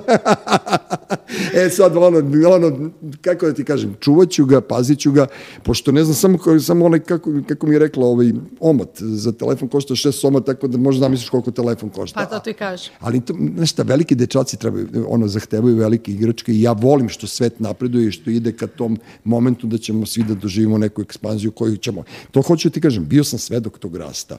Mene ne plaši, ali, ali mnoge ljude plaši pošto će izgubiti benefite, ali ćeš morati da budeš pametan da bi mogao da, da rukovodiš svetom. Morat ćeš da budeš pametniji od veštačke inteligencije. Razumeš? Dakle, da ono, postoje neke stvari, ok, ti sad pišeš CV, kao, i nešto zaboraviš i ukucaš svoje ime i onda ti veštačka inteligencija kaže, ej bre, Mila, Mogu ti, ti kažem nešto. Kaži. Sad je pre mesec dana izašao onaj prvi pametan taj. Ne znam kako se zove. To su svi bio hit. Dobro. Ne mesec dana, ima dva meseca. Taj a i neki. Ar, neki. Dobro. Da, i džip, mi džip. se, i mi ja kažem, ajde otvori i pita da li je Ratko mladi živ ili mrtav. Pošto ja klince kada pitam, ne, ne, nemoj da se smeš, ja kada klince od 95. godišta do ovo 2002. 3. sad, koje su pitan da li je Ratko mladi živ ili mrtav, 99,9% njih kaže mrtav. Ja kažem, dobro, šta je on bio? On je ratovao na strani Srbije. Evo, svakog klinca koga sretneš, pite ga. Da. Da li je Ratko Gradnić? E, I ja kažem, otvorite mi tu, mm -hmm. da je pitam, ja kažem, je li živ ili mrtav? Ona kaže, mrtav. Umre u Hagu i kaže tog i tog datuma, tad i tad Naravno da nije umro, čovjek je živ, eno ga u Hagu, ljudi, šta vam je? Nemam pojma, da, majke, mislim, ta veštačka ja inteligencija, ona je, otvo, on je, znači ja sam otvorila i pitala i onda smo rekla, ajde ljudi, brže kako ovo funkcioniše, da. kucaj, nije istina, živi eno ga u Hagu i onda smo mi menjali algoritam da ne bi slučajno neko, eto, to ti je ta veštačka inteligencija. Da, da, da, koliko... Ja mislim da je veliki, uh, kod veštačke inteligencije, mislim da jedan, ona će preuzeti, to je fakat mm. i uh, dobre strane treba se koristiti, ali mislim da je mnogo veći problem to što će se ljudi osnalanjati mnogo na veštačku inteligenciju inteligenciju, ajde napravi mi sajt, ajde ovo, ajde ono. I mislim da sposobnost ljudi da misle i sposobnost da razvijaju moždane ćelije će mnogo biti smanjena kod određenog broja ljudi, jer ljudi po prirodi vole komfort, vole lakše, vole i sve je, čitav tehnološki razvoj upućen tome da... Ja, ja već vidim prostor da mi uživamo u svemu tome kad ljudi otupavaju, otupavaju još više, razumeš? Mislim to da- daje da... i mogućnost kontrole određenim strukturama takođe i mislim da je to jako opasno da, da, i da. Uh, mislim da će tu, mislim da će te mašine vrlo brzo biti inteligentniji od nas i nisam sigurna ko biti... će kako da. moći da upravlja njima i mislim da nas čeka neko vrlo zanimljivo vreme, a fakat da, da sve uh, prosto razvoj tehnologije, mislim to je sasvim mhm. prirodno da se dalje razvija, ali kako će se upravljati i gde će se sve koristiti, to je vrlo diskutabilno. Pa nemojmo biti ludisti. Znaš, nekad ljudi su se plašili nekad od vatrenog konja, kako su zvali da. već lokomotivu, tako da ono, ajde, opet kažem ti negde na pola puta. Ja bi sad malo nešto tu da ublažim, ali mislim da si u pravu, tako da ono, Znaš, prosto neću. E, nešto mi je interesantno, vi ste u Krokodilu i izaći ćete e, e, ispred, kad budete radili festival sa e, rezultatima istraživanja E, političari, e, utice političara na porast agresije i nasilja u društvu. Vi ste e, to da. radili na, na, e, što je meni strašno i zanimljivo, vi ste to radili na različitim starostnim grupama, je li tako? Fenomenalno, dobro I ovaj, to ako, ako smeš, mislim ako smeš, ako želiš, ja bih strašno volao da mi kažeš, mi svi znamo da oni najviše utiču, mi svi znamo da Vučić najviše utiče na to da se ovde pojavilo to verbalno nasilje i da to verbalno nasilje već izlazi iz tokova lepog vaspitanja i nekada će izazvati reakciju kod ljudi poput mene da možda čak i fizički yes. se ne obračunavamo, nego naš, ne ono kad, što kaže ima ono u našem narodu, ona izreka kad, kad, kad udariš budali šamar. E, to ti je ta priča. Znači, budale, ne, ne kažem ja da treba tući nekoga, ali nekad je psovka, kao što psovka zamenjuje mnoge reči, kao neki brutalni narativ, tako i taj šamar nekad pomogne. Razumeš? Tako da ja, mene strašno interesuje dokle ide to ludilo Da ja, moram da se, ja moram da, da prekinu da kažem da nikad, nikada nasilje nije rešenje i ne sme da bude rešenje. Dobro, naravno, kako ti kažem, ja bih pokušao... Duboko se ne slažem sa tim i mhm. mislim da postoji način da, da ne dođe ja, do ja toga. Ja mislim da ne postoji način, sa ovakvim ljudima ne postoji način sem da mi se suprotstaviš. Ne mislim ja na građanski rat, razumeš, nego kad, kad, kad te neko se svađa s tobom, pa te pljune, pa ne, neš, ne možeš ti spuštenih ruku da razgovaraš s tim ljudima. To je zato to... postoje zakoni. Pa zato te e, meni se desilo, mene, evo sad ću te te, znači taj projekat se zove Zašto kažeš ljubava misliš na rat Dobro. Uh, i istraživanje, istraživač Srđan Hercigonje i ja ga radimo uh, o nevidljivom uticaju, takozvanom skrivenom uticaju uh, političkih struktura na porast agresije i nasilja u društvu. To je nešto čime se bavila instrumentalizacijom uh, nasilja Hannah Arendt. Dobro. Žižek je pričao o tome još 2008. u knjizi o nasilju i tako dalje. Ja sam malo dublje to istražujem, s obzirom da treba da izađe analiza na festivalu Krokodil, gde ćemo i predstaviti rezultate. Mi smo, da, jedana od uh, znači koristili smo metodologiju upitnik anketu, molim vas popunite svi, imate još par dana, na našem sajtu se nalazi da dođemo do 300 ljudi. E, radili smo uh, fokus grupe, to što, to što se spomenuo, prišli smo sa mladima, sa srednjom generacijom i sa starim 65+, plus, i to su takve razlike u stavovima da je to neverovatno. Neke smo očekivali, neke nismo, pa ne u korist koga, prosto razlike. Znači ti imaš mlade ljude, kad ih pitaš na nivou generacije, da ti kažu nešto, što me pitaš na nivou generacije, ne mogu ti dam odgovor, mm -hmm. mogu ti kažemo sebi, ti vidiš tačno tu taj individualizam koji je, uh, to je taj kapitalizam Zato, takav i ta, prosto demokratija nazovi dovela i to prosto ti klinci. Da si razočarana. A novi, Uh, klincima, baš me interesuje ne, klincima. Mene su one toliko pozitivno iznenadili. E, pa, pitam, okay. uh, ja sam ih užasno pocenila, to moram da priznam. Uh, mnoge predrasude koje sam ja imala su oni opovrgli. Ja vidim da oni tekako imaju mišljenje, tekako imaju stavove. To je dobro, da. Ono što je problem jeste da oni ne vide, znači ovi najstari 65 plus kažu ne treba po zidovima se žvrlja, ne treba iko da vrši nasilje i naša generacija smatra da. Oni će reći uopšte niko nije postavio da li je upitno da li to sme da se radi ili ne. Znači, aha, znači oni to je meni da najčudnije. Da da, oni... E, to je to, to je ono, sad se tu vraćamo na ovo tvoje nasilje, mm. dakle, postoje ne slučajno zakoni koji uređuju da. određenu oblast. Znači ti mene ako sada fizički napadneš, ja odmah postoji procedura kako te prijavljujem i ti ideš na sud. Koji u našem društvu je veliki problem kod tih ljudi što ti kažeš njemu je samo šamar, evo i ti. Evo da ću ti u stvari primer, ti kažeš ti si generacija kao Vlajsin. Ja sam bila trudna, samo što nisam porodila, trebala da idem u New York, očigledno trudna, hoću da kažem, Dobro. na primjer šesti, peti mesec, samo što nisam porodila u stvari. Videlo se da sam trudna. I ovde na, stojim u, na kasi u Maksiju i žena mene na kasi ovako gurne neka baka sa, sa sivom, sivom onako mm -hmm. sedom već kosom, bukvalno me krvnički gurne, zašto sam bila mnogo spora i smela sam se, zašto sam sporo stavila proizvod u kesu. Ja potpuno ne mogu da verujem, ona mene gurnula tako da sam još nisam pala, znači mm. ne blago, trudna. Uh, vlada je bio tu.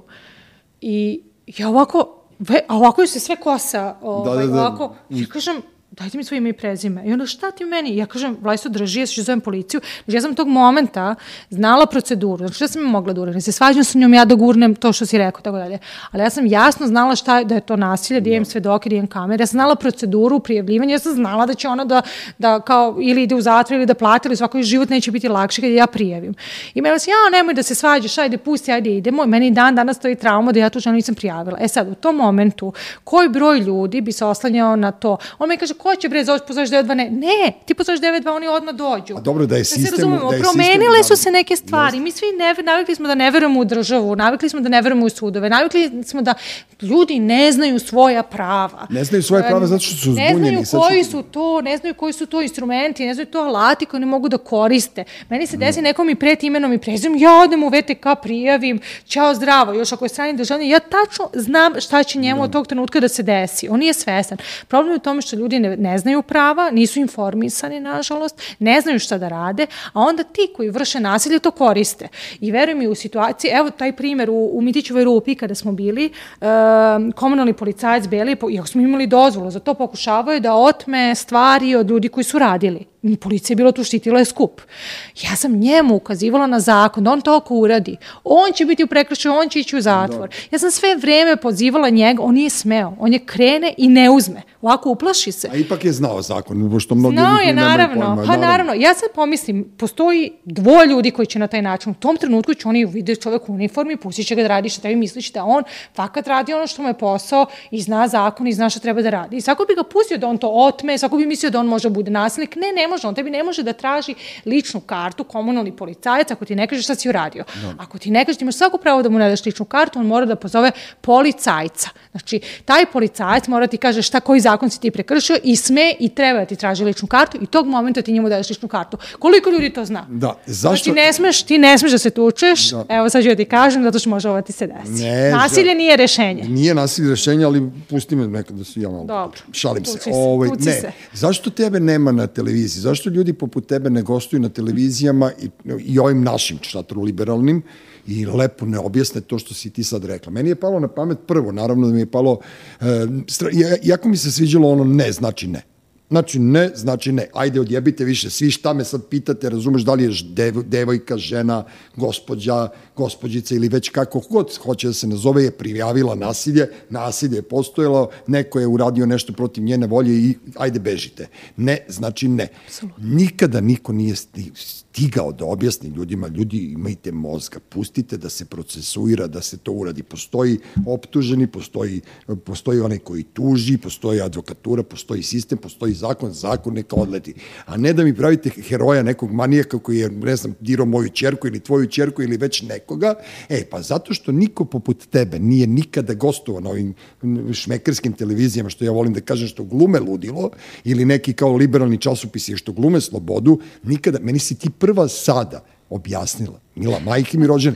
Ne, ozbiljno ti kažem. Pazi, sad ja, ja znam Lajsu mnogo dobro, vidiš sad tebe polako upoznajem, razumeš, ja znam šta bi ja uradio u slučaju da je ta babetina gurnula moju ženu, ne bi ja rekao, Juriš, nemoj... Juriš, tražiš ime i prezime. Jeste, ali vidiš, moja žena to ne zna. Znam, e, ne zna veći broj. Kako da ti kažem, a ona je odrasla jednu ulicu od tebe i ona je tvoja generacija uspešna poslovna žena koja nosi našu porodicu na krkačama, koje, koje bez nje ne bi postojao ni ja, ni deca, niko živi, mi smo nesposobljeni bez nje, ona to ne zna. Zato što je nikad nije neka Mila se pojavila negde i njoj to objasnila, a da te juri po gradu da je ti objasniš, to je nemoguće. I meni to strašno nervira, što smo mi toliko džibersko društvo da mi ne možemo nikada da kažemo šta je dobro, šta je loše. Nisu svi navijači na utakmici huligani, nismo mi svi ugroženi, ne znam zbog čega.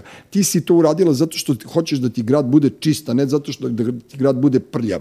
To je isto kao kad neko pljune na ulici, tako kad mi neko napiše na zidu Ratko Mladić. To je i meni isto. Znaš šta je problem kod nas? Ljudi se ne... Da. svaki dan, razumeš, da. pored tog ono čoveka, alo bre, brate, ko vam je taj bre, to je seljačina neka. Eno ga u Hagu. Ne, ja, ja sam mislio da je mrtav. Nema veze. Znaš, seljak iz Bosne, ono, oficirčina, mi smo bili u JNA, mi smo bili u vojsci, ja znam šta su te oficirčine, to je moj ceo, moj, moj unutrašnje biće se bunilo protiv toga. Kao što se bunili protiv škole svojevremeno i sistema nastave koji će naša deca da pohađaju. Mi moramo mnogo da se promenimo. Zašto nema takvih osoba poput tebe koji će to rama da pričaju? Ko vama pa, to brani? Dva, postoje dva razloga. Uh, jedan je, uh, mediji su komercijalni, oni će uvek da zovu ljude koji prosto prodaju Dobro, ali mi moramo da jedan, da srušimo te kaveze dva, da su ti da. mediji, to ko ću ti kažem, da su ti mediji nezavisni. Oni nisu nezavisni, oni samo imaju narativ koji koji ono koji prati. E, postoji tu još jedna druga stvar, a to je da ljudi često neće da otvoreno i transparentno govore, već uh, prvo kada govore javno, uh, razmišljaju o tome šta treba da kažu. Uh, iskrenost je nešto što nije nikada na ceni i uh, postoji kod nas, makar u, u Srbiji, postoji jedan veliki problem uh, sramote i stida da. i postoje mnoge teme ko, kojima ljudi prosto neće da pričaju. To su ti, ako je s detetom problem, to ono o tome se ćuti zauvek. Ja mislim da je to jako pogrešno. Mnoge stvari, evo ova situacija, što bi ja to morala da pričam? Da, čuti, to je sramota. Mene čuti. žena gurnula, možeš da. misliti šta sam ja to radila da ona mene gurne. Ne, Znaš, ali... stalno se postavlja to jedno pitanje, mislim da ljudi ne govore. Znaš, ja da. mislim da mora da se govori o stvarima. Postoji, što sam htjela da kažem, to je jedno pitanje sramote, šta je sramota i šta nije u našem Just. društvu, a ja mislim da je jako važno da svi mi pričamo o tome, jer ti prvo što ćeš da naučiš od nekog drugog, drugo baš zato te, te te priče koje svi čuti, koje, koje se stide da kaže, e one moraju najviše da se pričaju. Ne, da ti kažem, vreme, vreme je možda da vi najbolji malo poslušate nas najgore.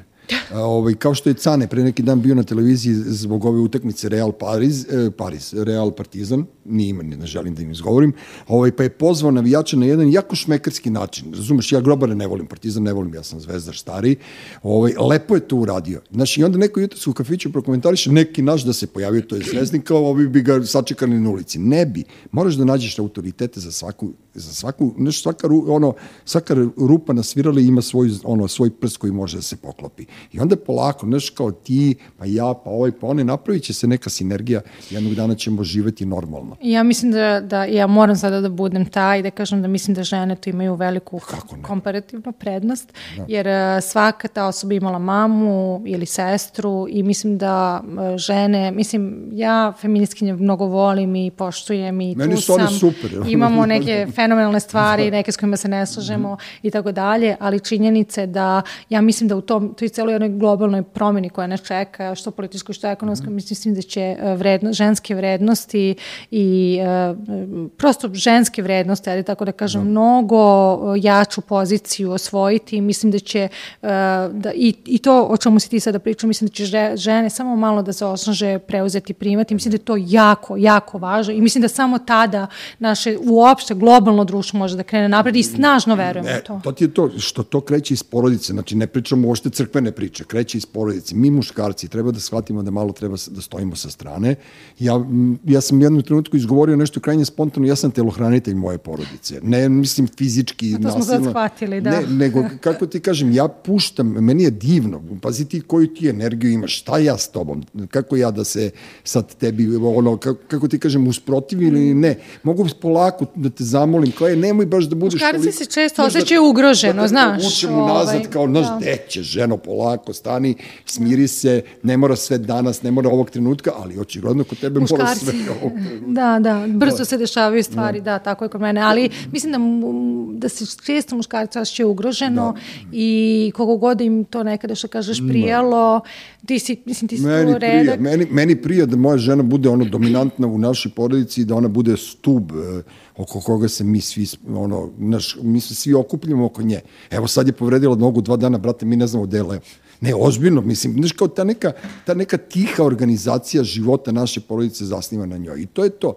Da li sad ko tu zarađuje, znaš, kao te materijalne fore, mi to nemamo od prvog dana, da. tako da je meni... E pa to je ta jednakost, da, znaš, da, da. negde je to tako, negde ovako, ali mnogo je lepo da ti to govoriš i uh, lepo je da, da ti to prepoznaješ. Ne, ali, ali mi čini mi se da uh, jako mnogo muškaraca ne bi to nikada reklo, ni intimno, ni javno, uh, čak i kada je to tako, ja verujem da, da to što si sad rekao je u većini slučaja, pogotovo u Srbiji, tako prosto. Mila, i, uh, I mislim da, da, izvini, izvini. Ništa, teo sam nešto da te pitam, ali ne znam da li, da, da li sada da te pitam.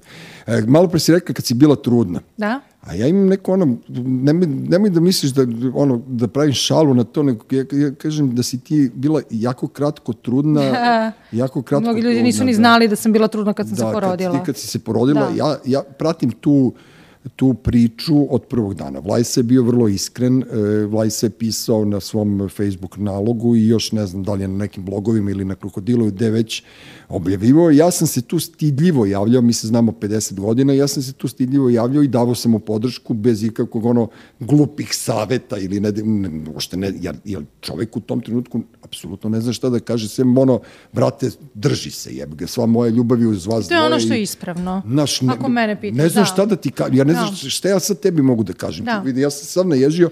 E, e, ja sam se porodila sa sepsom u petom mesecu, uh, u bolnici su vikali, na ivici smrti smo bili Nora i ja, uh, obi smo, ja sam bila ovako, sad me vidiš, sutra da se porađam. Bukvalno da, tako da, je to da, izgledalo. Da. Meni CRP bio, evo sad svi znaju šta je CRP posle pandemije. Znam ja šta je CRP. Bio da. mi je 570. Molim. Da, da, da. Imali smo sepsu i Nori i ja, bakteriju smo vratno u Njujorku pokupila, ja ne znam, ne znam kad to desilo, ja sam bila, vi, vi, mi smo se venčali 1. marta da, u Njujorku, ja se porodila 11. Da, pa verovatno ispod Brooklynskog mosta, pošto ste se šmekerisali na minus 14, da se slikate tamo kao braći. Uh, da, da, mi, u suštini to nije tako izgledalo, mi smo se, da, uh, svi, na fotografijama sve izgleda drugačije nego što jeste. Moj drugar ima licencu da radi ovaj, uh, sklapanje brakova u Njujorku i on je i fotograf. To je sve zajedno trajalo pet minuta, što moja mama kaže, mnogo mi je lepo onaj zid. Gde ste to bili kad ste potpisali? Smo bili u Starbucksu. Mislim, Znaj, čisto da znaš, ovaj drugo, nije... I drugo, znam koliko je hladno u Njujorku u februaru, je tako? Da, da. Tako da ono, Jest, vaši da. osmesi su bili više zaleđeni nego Jest. ne. I vi ste, ti si u stvari već bila trudna tad u Njujorku, je tako? Da ne, da, da, da. Bila sam u, uh, da, ja sam bila krajem pet, petim, petom meseca trudnoće, ja sam tamo pokupila, pokupila neku bakteriju i porodila sam se 11. marta urgentno sam odletela. Koliko je to, koliko je to nedelja bilo trudnoće? 23 nedelje plus 6 dana. Da bi ljudi znali 40 Da, pobačaj je 22. Da, pobačaj... Ne, ne, da razumete, dva, ispod, znači do 22. nedelje smatra pobačajem. Znači ti si 6 dana prebacila. Pola bolnice je da. vikalo, u Narodnim frontu kad sam učila, vikali su evo ovdje jedan pobačaj. Stvarno? A, da, a pola njih vikalo porođaj. Da ja kada znali... sam se porodila, sam bila na odeljenju gde su intervencije, nisam bila na odeljenju gde su majke. Bože, svašta. Ja sam bila na odeljenju kao da mi dete neće ko, preživeti. Ko, ko je spasao dete? Doktor je procenio, je tako? E, Pošto ti verovatno nisi bila svesna. Ja sam bila u punoj kontroli. Ja sam i radila u tom trenutku. Idro Seferi nam je gostovo u jutarnjem programu N1. Jelena Milić, tadašnja urednica, mislim da i dan danas ne zna da sam ja bila na porođenom stolu. Ti si pričala telefonom. Sestra Ana Nikolić, neka je bila tu, koju sam ja molila da zadrži mobilni. Ja sam ja porađala od 6 ujutru do 3. Ja sam ja, načelnik Mikić tražio uh, Moja doktorka koju sam ja poznavala, Kršić je bila na godišnjem odmoru u Turskoj, rekla, kako mislite Milena, ona nije ni trudna. Ja sam došla se porodim. Da, da, da, da, da. I onda su ona, ona rekla, zovite načelnike hitno, načelnike jer indukcija porođa. Ja sam rekla, čekajte ljudi, ja se poređam, kakva indukcija. Mm -hmm. Ali uh, pitao si me da skratimo tu priču ovaj, uh, šta je dovelo do toga da mi preživimo. Da, da. Da, da, Evo sad ću ti kažem, u tim, to su takozvani marginalni trenuci u životu, pitanje života i smrti. Mm -hmm i postoji jedan mali uh, delić sekunde u kome ti odlučiš da postaneš aždaja i da preuzmeš kontrolu nad svojim životom, a ne da se prepustiš. Um, ljudi se često prepuste. Uh, pogotovo kada se nađu u jednoj instituciji kao što je bolnica. Da bi makar prividno deluje da svi znaju šta rade.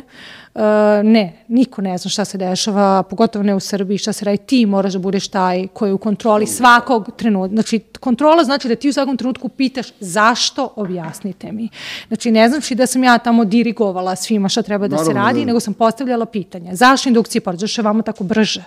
Ne, ja se poređam prirodno, dobila sam surfaktant, dobila sam četiri vrste antibiotika, moje dete izlazi, zašto? Šta je razlika da vama bude brže? Ne. Ja sam znala da je meni mnogo bolje da se... Ko je bio uz tebe? Sama Niko, protiv Sama sam bila, da. Sama u, boksu, boksu broj 10, dve smene, doktora i sestara. Bukvalno sama. Ja kad krenula da se poređam, ja sam rekla, doktore, poređam se. On je rekao, Ja sam rekla, izvinite, možda pozovete doktora? A mama koja prolazi kaže, ja sam doktor. Da bi kasnije saznala da je to od drugara, drugar kome je to prva smena ikada klinac. Život. Ono, ljubav za njega, posle što me obiđe, super da, i tako da, da. dalje. I zaista je došao taj doktor i ja sam čekala, bukvalno bilo je pola tri, ja sam čekala da se pojavi neonatolog, ja sam u punoj kontroli, ja sam rekla, molim vas epidural.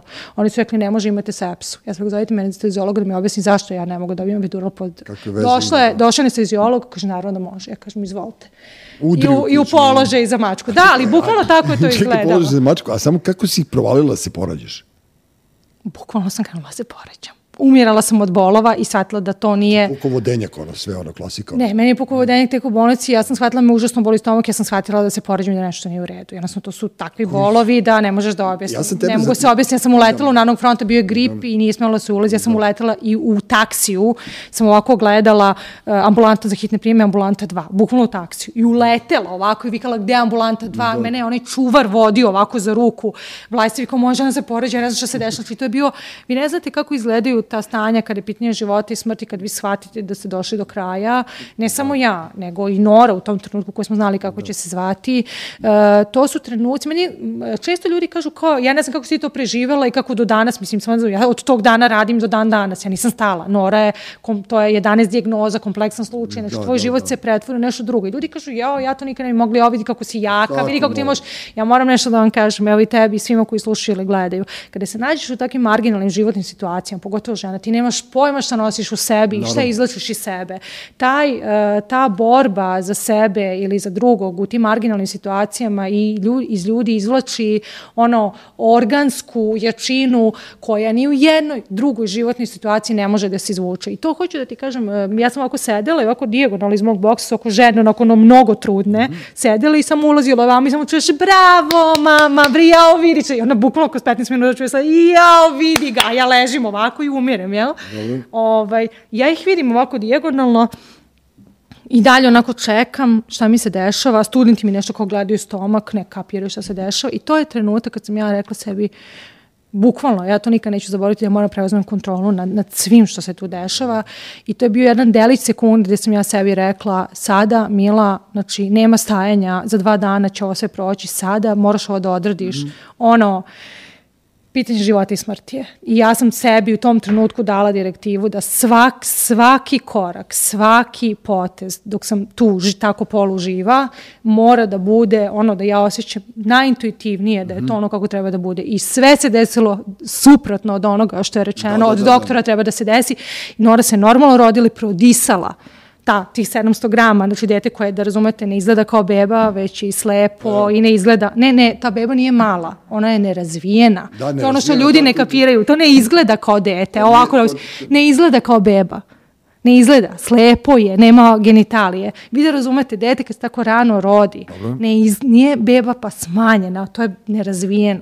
Znači ona se rodila, stavili su mi na stomak i ovako se čula, ni, ni, ja sam sačekala sekund, ovako svi gledaju ko čuda da se dešava, ja sam sačekala neonatologa, Milan uh, uh, Nebojša Panić, mm -hmm. doktor iz Narodnog fronta, koji dan danas je Norim prvi tata i čujemo se i ja sam ga ugledala, rekla, ste vi neonatolog, folija, rekla ajmo i bukvalno se na jednom porodilo, on je uzeo noru, otraču, ubacio inkubator, ja sam znala ceo scenariju koraka, šta će se desi, hvala Greva na Tomi. Da. Gledala si seriju, da, da, da. da, da. A nije, ne šalim se, nisu svi u porodici lekari, mislim, da. pa sam, da, gledala vidi, znala si, znala si ono, ali eto, zašto čovjek treba bude pametan? Nisam, nisam ja toliko znala i kao ne bi mogo neko ko ne zna, pitaš. Ne, mislim, ne, ne. šta ti je teško? Oni kažu ne može epidural. Znamo svi šta je epidural. No, zašto ne može epidural? Dovedite mi, objasnite mi zašto. Pitaj, budi radoznao. Jer kada ti razumeš, moći ćeš i ti da... E, tako se to... I uh, pitanje kako je Nora preživala nikad nije jedna stvar i u takvim situacijama nikad nije jedna stvar. Pod jedan, pod jedan to je genetika. Pod jedan. Pod dva, to je uh, tim lekara, pravovre, evo sad što sam rekla, pravovremenih odluka, znači nju je on uzeo, dežurao celu noć, onda doktorka Hajder Pašić. Znalo se, tim lekara koji nju u trenutku kad Nora bila na kontinuiranoj reanimaciji, tri nedelje nakon, nakon rođenja, one praktično su preuzeli funkcije svih organa i tri dana stavila na kontinuirano uh, terapijom adrenalinom u srce. Uh, kada su skinule adrenalin, bilo je pitanje da li će preživiti ili ne. Tri nedelje nakon rođenja, uh, mi smo doktorki, ona nama rekla, mi, mi ćemo ovo raditi da bi zaštitili njen mozak, to je ono što je najvažnije. Mi smo potpuno verovali lekarima pravovremeno. Uh, mi imamo jednu od najboljih neonatologija ovdje, institut za da, neonatologiju na svetu, ali pra, pravovremena akcija određenih lekara, vaše prisustvo, genetika i razvoj medicine su uticali na to da Nora uspje da se tako rano rodi u tako jako lošem stanju, da, da razumete, ne postoji drugo dete danas koje je tako, mislim, jako mali broj dece. Vi nemate literaturu za takav slučaj, za ekstremni prematuritet u situaciju koja je bila Nora. Skoro, pa je čudo. E, doktorka Ek, Cerovac... Eksterni prenatalitet. Prematuritet. Prematuritet. Ekstremno rano rođena Aha. deca. E, profesorka Cerovac koja je ovaj, uh, sa, sa fakulteta kad je videla ona nije mogla da veruje da je Nora uopšte prematurus, a kamo li da je Ona rekla, mi moramo da uzmemo za istraživanje, da vidimo šta je učinilo njen mozak toliko plastičnim. Mm -hmm. To je neverovatno da ona sve to preživala, dva puta plucanja, pucanja, plućne maramice, operacije, retinopatije, mislim svašta nešto. A ti si sve vreme bila u stvari u, s njom. Da. I sve vreme si... Ja sam nosila mleko, ja sam se izmazavala na dva da. sata, nosila mleko. I Ualbek nije došao to leto dok je ona bila u bolnici. Sećam se, bolje, da. e, pa kad, ja, ja, nije kad, kad, kad, niste pitali da. mene, ja sam znao da je izašao iz aviona, pošto sam se raspitao. Da. On je napravio sranje, tamo on izašao iz aviona. Jeste, ne, zašto dan pre toga je bio on, on u avionu nije, koji se pušio. To znate, meni je pisao. Nije bio. prošao, nije prošao ček kontrolu i moglo, se, i moglo da se zna da, da nije u avionu. Ali, da. Da. ali veče pre toga, on je bio u avionu, oni su mu rekli da, da je izašao se pušio avion, mislim. Jeste, drugi dan nije ni ušao u avion, nego je lagao. Stravio se, da. Pa dobro, nema veze. Ono, to vam je jedna Žao greška u svemu tome. Pazi, još... Šta je tu naša greška, izvini? Ne, ne kažem, to je jedna Mislim, od... Ja, samo, ja sam njega samo zamolila čim dođe kući napiše pismo za ljudi koji su došli ovde zbog njega na festival. Njega, a bilo nam je te godine Krasna Horke još 37 autora da, koji su da, da. dolazili. Da. Ti... Mislim, šta u toj situaciji? Ja treba samo kažem, napiši mi pismo da ja pročitam ljudima. Kako si ti to? Ja, e, drugo, ja sam izgubila pola mleka tada. Da, e, još jednu stvar da te pitam, ti, si, ti točiš maraton. Brate, je li ima nešto što ti ne radiš? Pa jako je važno, pa nije to fora, Šalim se, nije, nego... Znaš, to e, tako deluje. Veruj mi, to trčali, mi smo trčali kad se ja porodila, odmah te godine da. na Beogradskom maratonu su prikupili sredstva za neonatologiju. Mm -hmm. Ja sam trčala tada, doduše samo štafetu, 7 km, ja sam tada se porodila, za mesec dana sam trčala. Samo 7 km. Ne vidim, Vlajsa se nešto ovaj, ističe da i on trči 10 Jest. km dnevno. On je istrčao sad isto polumaraton i prošle godine isto. Ja šetam kuće svaki dan ja razmišljam kako vi ljudi uspete da trčite ono, toliko dugo i pričao sam sa Nenom Joksimović isto ovde u podcastu, ona je šest ovih eh, Grand Slamova uzela maratonskih, bila je u Tokiju. Ja sam poslednjih deset godina trčim polumaraton i maraton, imam svoj atletski klub, zove se Running, krenula sam ga da bi radila besplatan program za decu. E, e ti kažem jednu stvar, koja je da. fora u trčanju? To, to, pa, to me interesuje. u tome... Kako, uh, kako možeš... E, ja se ne plašim za pluća, ne plašim se za srce, ja imam snage, ali ja ne mogu da trčim. E, meni je Vlajsa ja da godinama da pričao da, da može da pliva i da hoda, ne ume da trči. Ja isto mogu da plivam i da hodam ajde kako se kako da naučim? Pa kreneš, ne, neću da sad... znači kreneš polako, to ide hodaš, pa potrčiš, pa hodaš, pa, pa onda sledeći put malo više trčiš, pa manje hodaš, pa sve tako, tako, tako i onda jednom shvatiš da ti trčiš sve vreme i ni ne primetiš da se to dešava sve vreme. Onaj, jel doživiš onaj osjećaj kao kad, kad se pre, ono, kad predugo držiš vazduh, ono ne, kad plivaš, pa ne, ti onako ne, ne, to izlazi to... nešto iz tela, ne, ne, ne, nije ne. to taj fazon. Mislim, tim, uh, trčanje je dobro samo kada je kontrolisano i kada se ti posle svakog treninga dobro osjećaš. Jako je dobro za uh, tokom trčanja ti se luče svi hormoni sreće. Mm. i dobro, da nije bilo trčanja, ja sam te godine kad se prodala trčala u Amsterdamu polumaraton baš za Noru. Uh, Smeš da se razumemo, Ja crknem kada trčim polumaraton. Ja trčim uglavnom nespremno. Ja nemam vremena da se spremim. I to je naporno i mrzim ono ujutru, ustaneš u 6 sati, ljudi spavaju, ti trčiš 22 sata, koji ti je moj stik kreten, šta radiš? Mislim, Čekaj, 24 ali ne postoji tako? 21. 21. Ali onaj osjećaj kada ti prođeš cilj, kada ti uspeš da izguraš, ti vidiš da plačaš od sreće. Taj uh, maraton ti je kao život, ta uh, long distance running i ta izdržljivost, koju, izdrživost fizička, Mhm. koliko i mentalna se vežba uh, takozvanim dužinskim trčanjem, to je ovo čemu govorimo. I to nema veze sa fizičkom aktivnošću, veruj mi, to je uh, strašna vežba za glavu i za tvoje kapacitete, čišćenje, vrsta meditacije, vrsta nirvane, pritom fizička aktivnost, drugo ti u jednom trenutku se potpuno izgubiš, ti više nemaš ni misle, nisi ni prisutni, ti uđeš u jednu pravolinisku, ovaj, uh, u jednu pravolinijsko trčanje i rad tela gde ti potpuno si negde u sebi, u jednoj tišini, u nekoj muzici, u čemu god, gde ti potpuno se čistiš od svega i mislim da je uh, fizička aktivnost užasno važna za mentalno zdravlje. Jasne. Sa druge strane, vidio si koliko ljudi, što se ja zezam, svi ono, narkomani na startu Beogradskog maratona. Da, mislim, da, da, da, da. Idi ujutru na Beogradski maraton, vidi ko je na startu sve. Stvarno? Mislim, pa da. Mislim, to, pa zato što se svi ti hormoni isti luče. Da, da, da, da. I, ovaj, Željko Oza, dopa- beogradski a naš. kako da ne? Ko se nije odao Ali bukvalno ne- klabi se, kažu jedno svi Da. klaberi Da. na, na startu Ko Beogradskog maratona. ko nije otišao u crkvu, on je nam ot, trči maraton, tako da to Pa, je to, da. s narkomanima uvijek, da. E, a sada sam te, ja kad eh, hodam, ja, meni misli e, brže idu.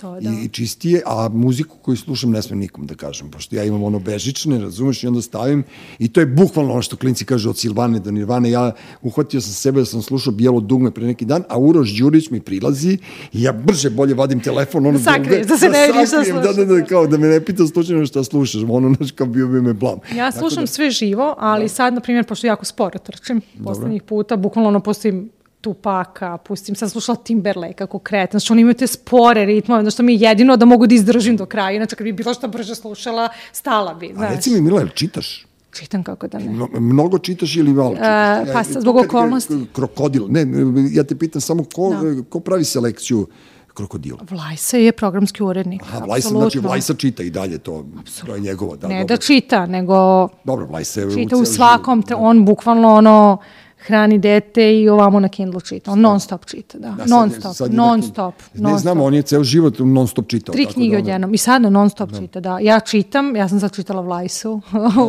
da, i čitala je hiljadi Ne, ozbiljno, put. kakav je? Duhovi sad. Odličan.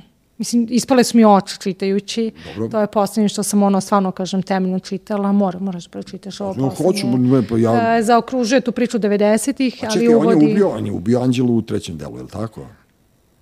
Anđelno umire od kokaina. U četvrtom delu je sam nešto spojlovo sada ili... U drugom. Ne, čekaj, on je imao potpoluvlje, pa Anđelu, pa treći deo... Jeste, ka granici jeste i ona tu umire i njemu tu javljaju i na kraju on... Tu je on ubio da. Anđelu u trećem delu. Sad Da. si me zbunila malo. Da, Ona okej. se predozira, Da, da, da, Anđele nema. I e, sada kreće priča 30 godina kasnije, kada je ta mala s Dobro. kojim je on ostao, pandemija.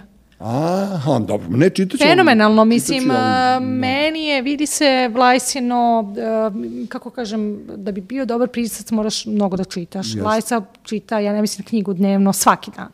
Znači, ja ne znam da li ću upoznati u životu nekog ko je više pročito i ko možda artikuliše. Mislim, možda ne možemo mi pričati o metodologiji istraživanja o Naravno. kome smo sada pričali, fokus grupe upitnik levo-desno, Da, tu si ti ipak ne prikosno. ali, uh, ali kako ti kažem, ja uopšte ni u jednom trenutku ne bih mogla da vodim i nikada neću voditi razgovor o, o Prustu ili o bilo, bilo kom drugom autoru. On je tu, ja, ja kažem, ne znam, drugu osobu koja je toliko pročitala knjigu, koja ima toliko strast za knjigama, kada ti toliko čitaš, ne možeš da budeš loš pisac. Da, naravno, naravno. Uh, a ova poslednja, poslednja knjiga koja izlazi je, mislim da se vidi, baš sam to njemu i rekla juče, vidi Mhm. se ta uh, zrelost prosto spisati kad pročitaš u potpalu, bljovo sati vidiš da je prošlo 30 godina Dobro, razvoja naravno, naravno. uh, i vidi se da je on radio na svom, na svom rukopisu, na, na, da je promišljao Dobro, on je to temelj, što da. stvara i on je primarno to, on je prosto Vlajsa je pisac.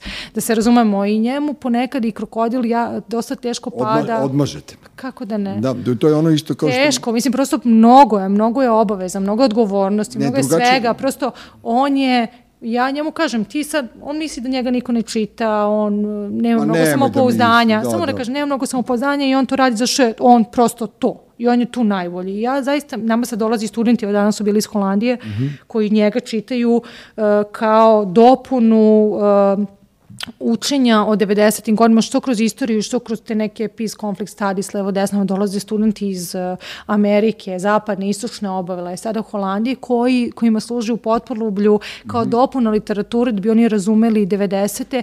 Ja Vlajsi često kažem, mislim, nema veze što mi je suprug i što mi je partner u krokodilu, nego ovako, najprijateljski, ja mislim mm -hmm. da će ljudi tek te, tu tetralogiju čitati kao važnu ostavštinu jednog vremena za nekih 40 do 50 Dobro. godina, tako da to, da li njemu došla na promociju danas ovoliko, da li bio ovaj na top listi, mm. onaj, važno je da to ostane. Neko, Prosto, da, neko od nas mora da ostavi zapis ovog vremena to sam na ja, način. Da, a ako je si krenuo tada, on sada zaokružuje sa pandemijom, jako mu je dobro sve to onako došlo, Le, leglo, leglo mu je da, da. i mislim da, da je on imao nameru da završi ranije, mislim da, bi, da ne bi bilo jednako dobro kao što je sada. Kažem, ni zašto mi je suprug, ali mislim da je, da je uh, u pravom trenutku zaokružio jednu priču na adekvatan način, šta će dalje pisati, šta će raditi, nemam pojma. Nije, nije što si Vlajsina supruga, hoće da Vlajsa da bude gost na krokodilu. Neće. Da, on je stidljiv. Da, on je stidljiv, ja znam, da, da. Ne može on, on sedi tamo za onim kotonca, one košuljice, drnda, šta će onda izađe i da kao, šta? Evo ja ću da dođem da vodim razgovor s njim, ono, tako da ono, bio bi, bio bi opušten.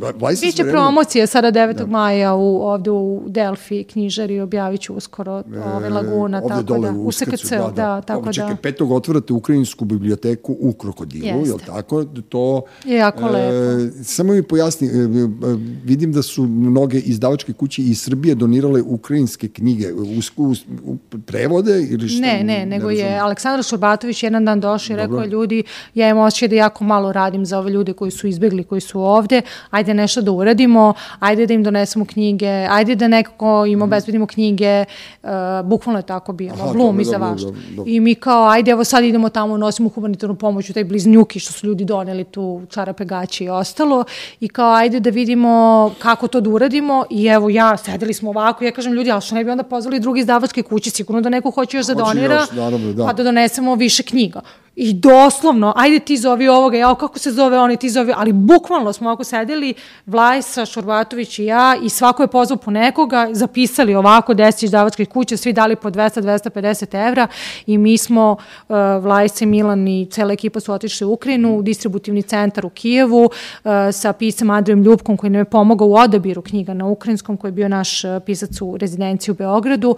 On je pomogao u tome da se zabere 400 naslova I bukvalno su te knjige sa tim vozilom s kojim su znači tamo stigle da. i evo, niko od nas mi se napravili biblioteku i otvorit ćemo za ljude koji su ovde. I mislim da je jako važno, to o čemu smo pričali, mnogo hvala svim izdavačkim kućama, ništa ne bi bilo da nije njih i ova predivna inicijativa. Mislim da je jedno da njim, oni imaju ovde živo, da prežive, da imaju hranu i tako dalje, ali mislim da je jednako važno da se osjećaju kao kod kuće, tako što će imati sadržaj dostupan koji im je bio dostupan kod kuće, a mislim da su knjige tu igraju jako da. veliku ulogu. Da, da ljudi ne bi pomislili da si ti ono pala s Marsa sad odjednom kao Mila neka se desila u krokodilu, ti, si, ti imaš užasno veliko iskustvo, ti si radila strate, strate, godina, da. strategijske da. kampanje za mnoge velike brendove.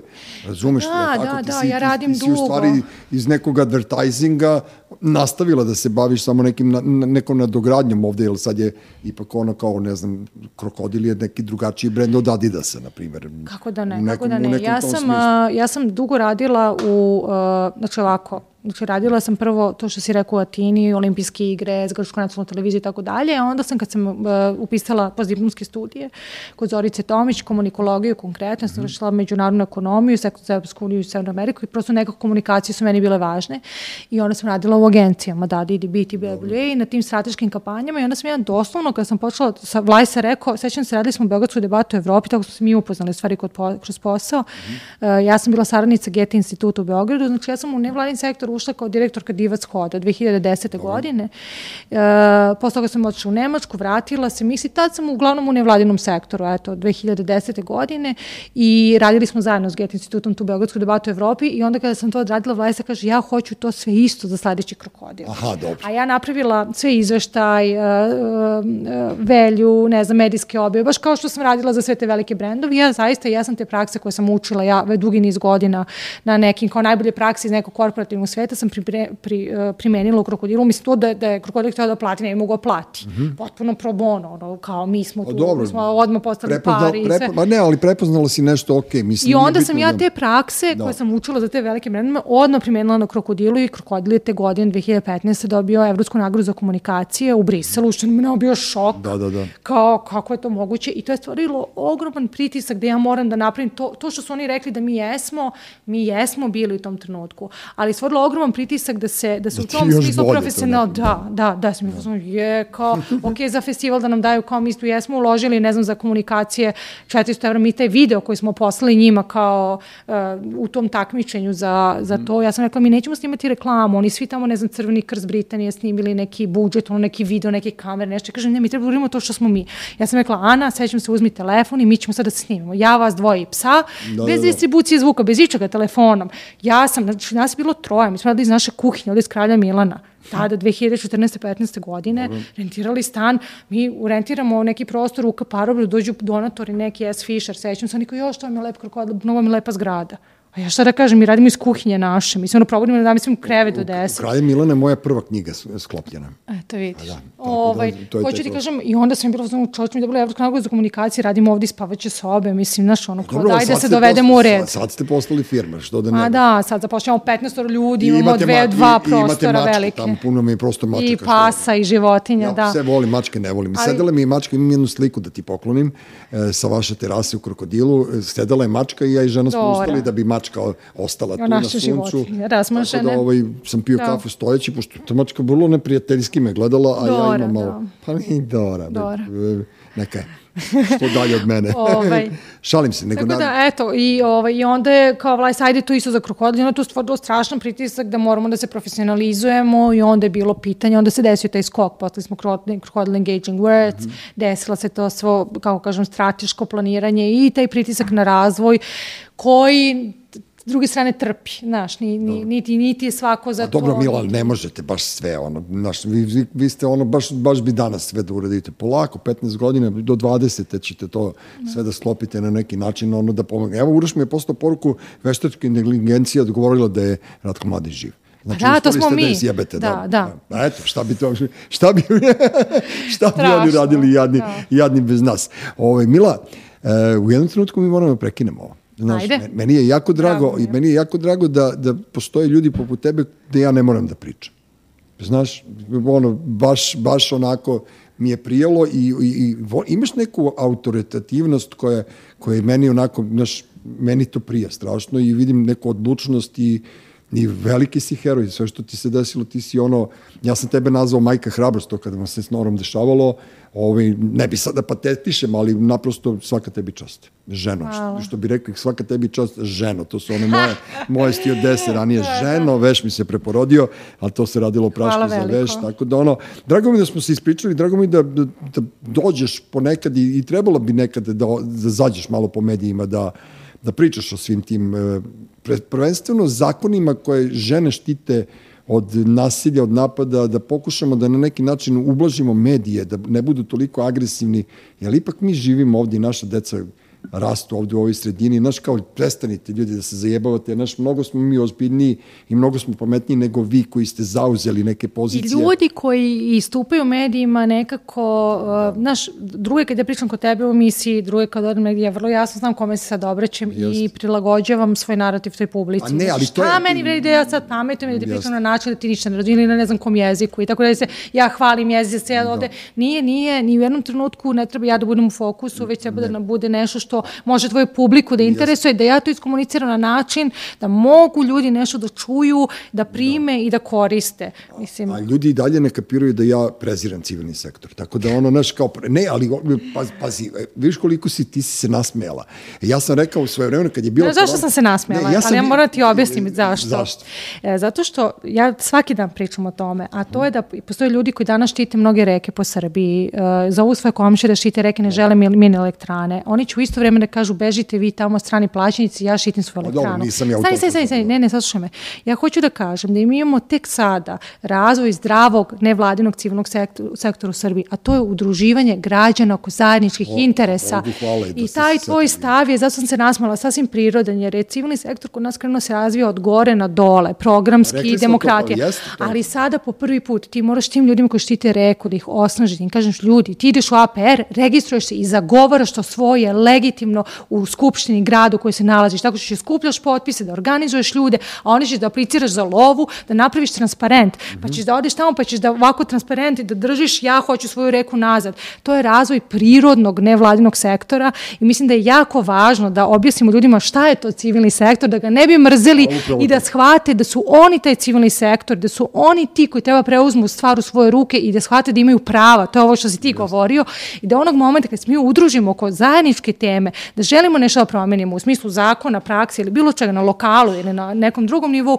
tada se organizujemo udruženje i to je taj civilni sektor koji ne treba nikada da mraziš. Kada, kada bi vi, vi, vi iz civilnog sektora shvatite da mi koji navijamo za neke futbolske klubove nismo svi huligani, nego da smo i mi nekada radili mnogo lepe stvari, onda će doći do te tolerancije koju ja kažem i doći ćemo do cilja da jednog dana, ne znam, prođem pored Vajša i kažem, e, opet krećeš i da mu se nasmejem, zašto mene mrzi da krećim, ali njegovu, poštujem njegov aktivizam u tom smislu i meni je to okej. Okay Meni je potpuno okej da ljudi rade šta god hoće, samo nemojte da ugrožavate druge ljude, nemojte da namećete svoj narativ, nemojte da ovo bude borba Tako između, je. naš kao e, političari su mi se ogadili za ceo život, zato što kapiram, naš, i, i to je možda, možda fama, ali kad budu došli neki sledeći, I oni će hteti da nameću nešto svoje. Naravno. Ama prestanite više zato je da jako važno, i zato je jako zato važno, važno da građani znaju svoje prava. Jeste, da znaju da imaju pravo sa glas, da imaju set prava koje treba da koriste. Znaš šta sam ja smislio? Ja sam smislio da treba klinci da dođu na vlast i, i što više žena, naravno 80% žena, ali ja sam smislio to da,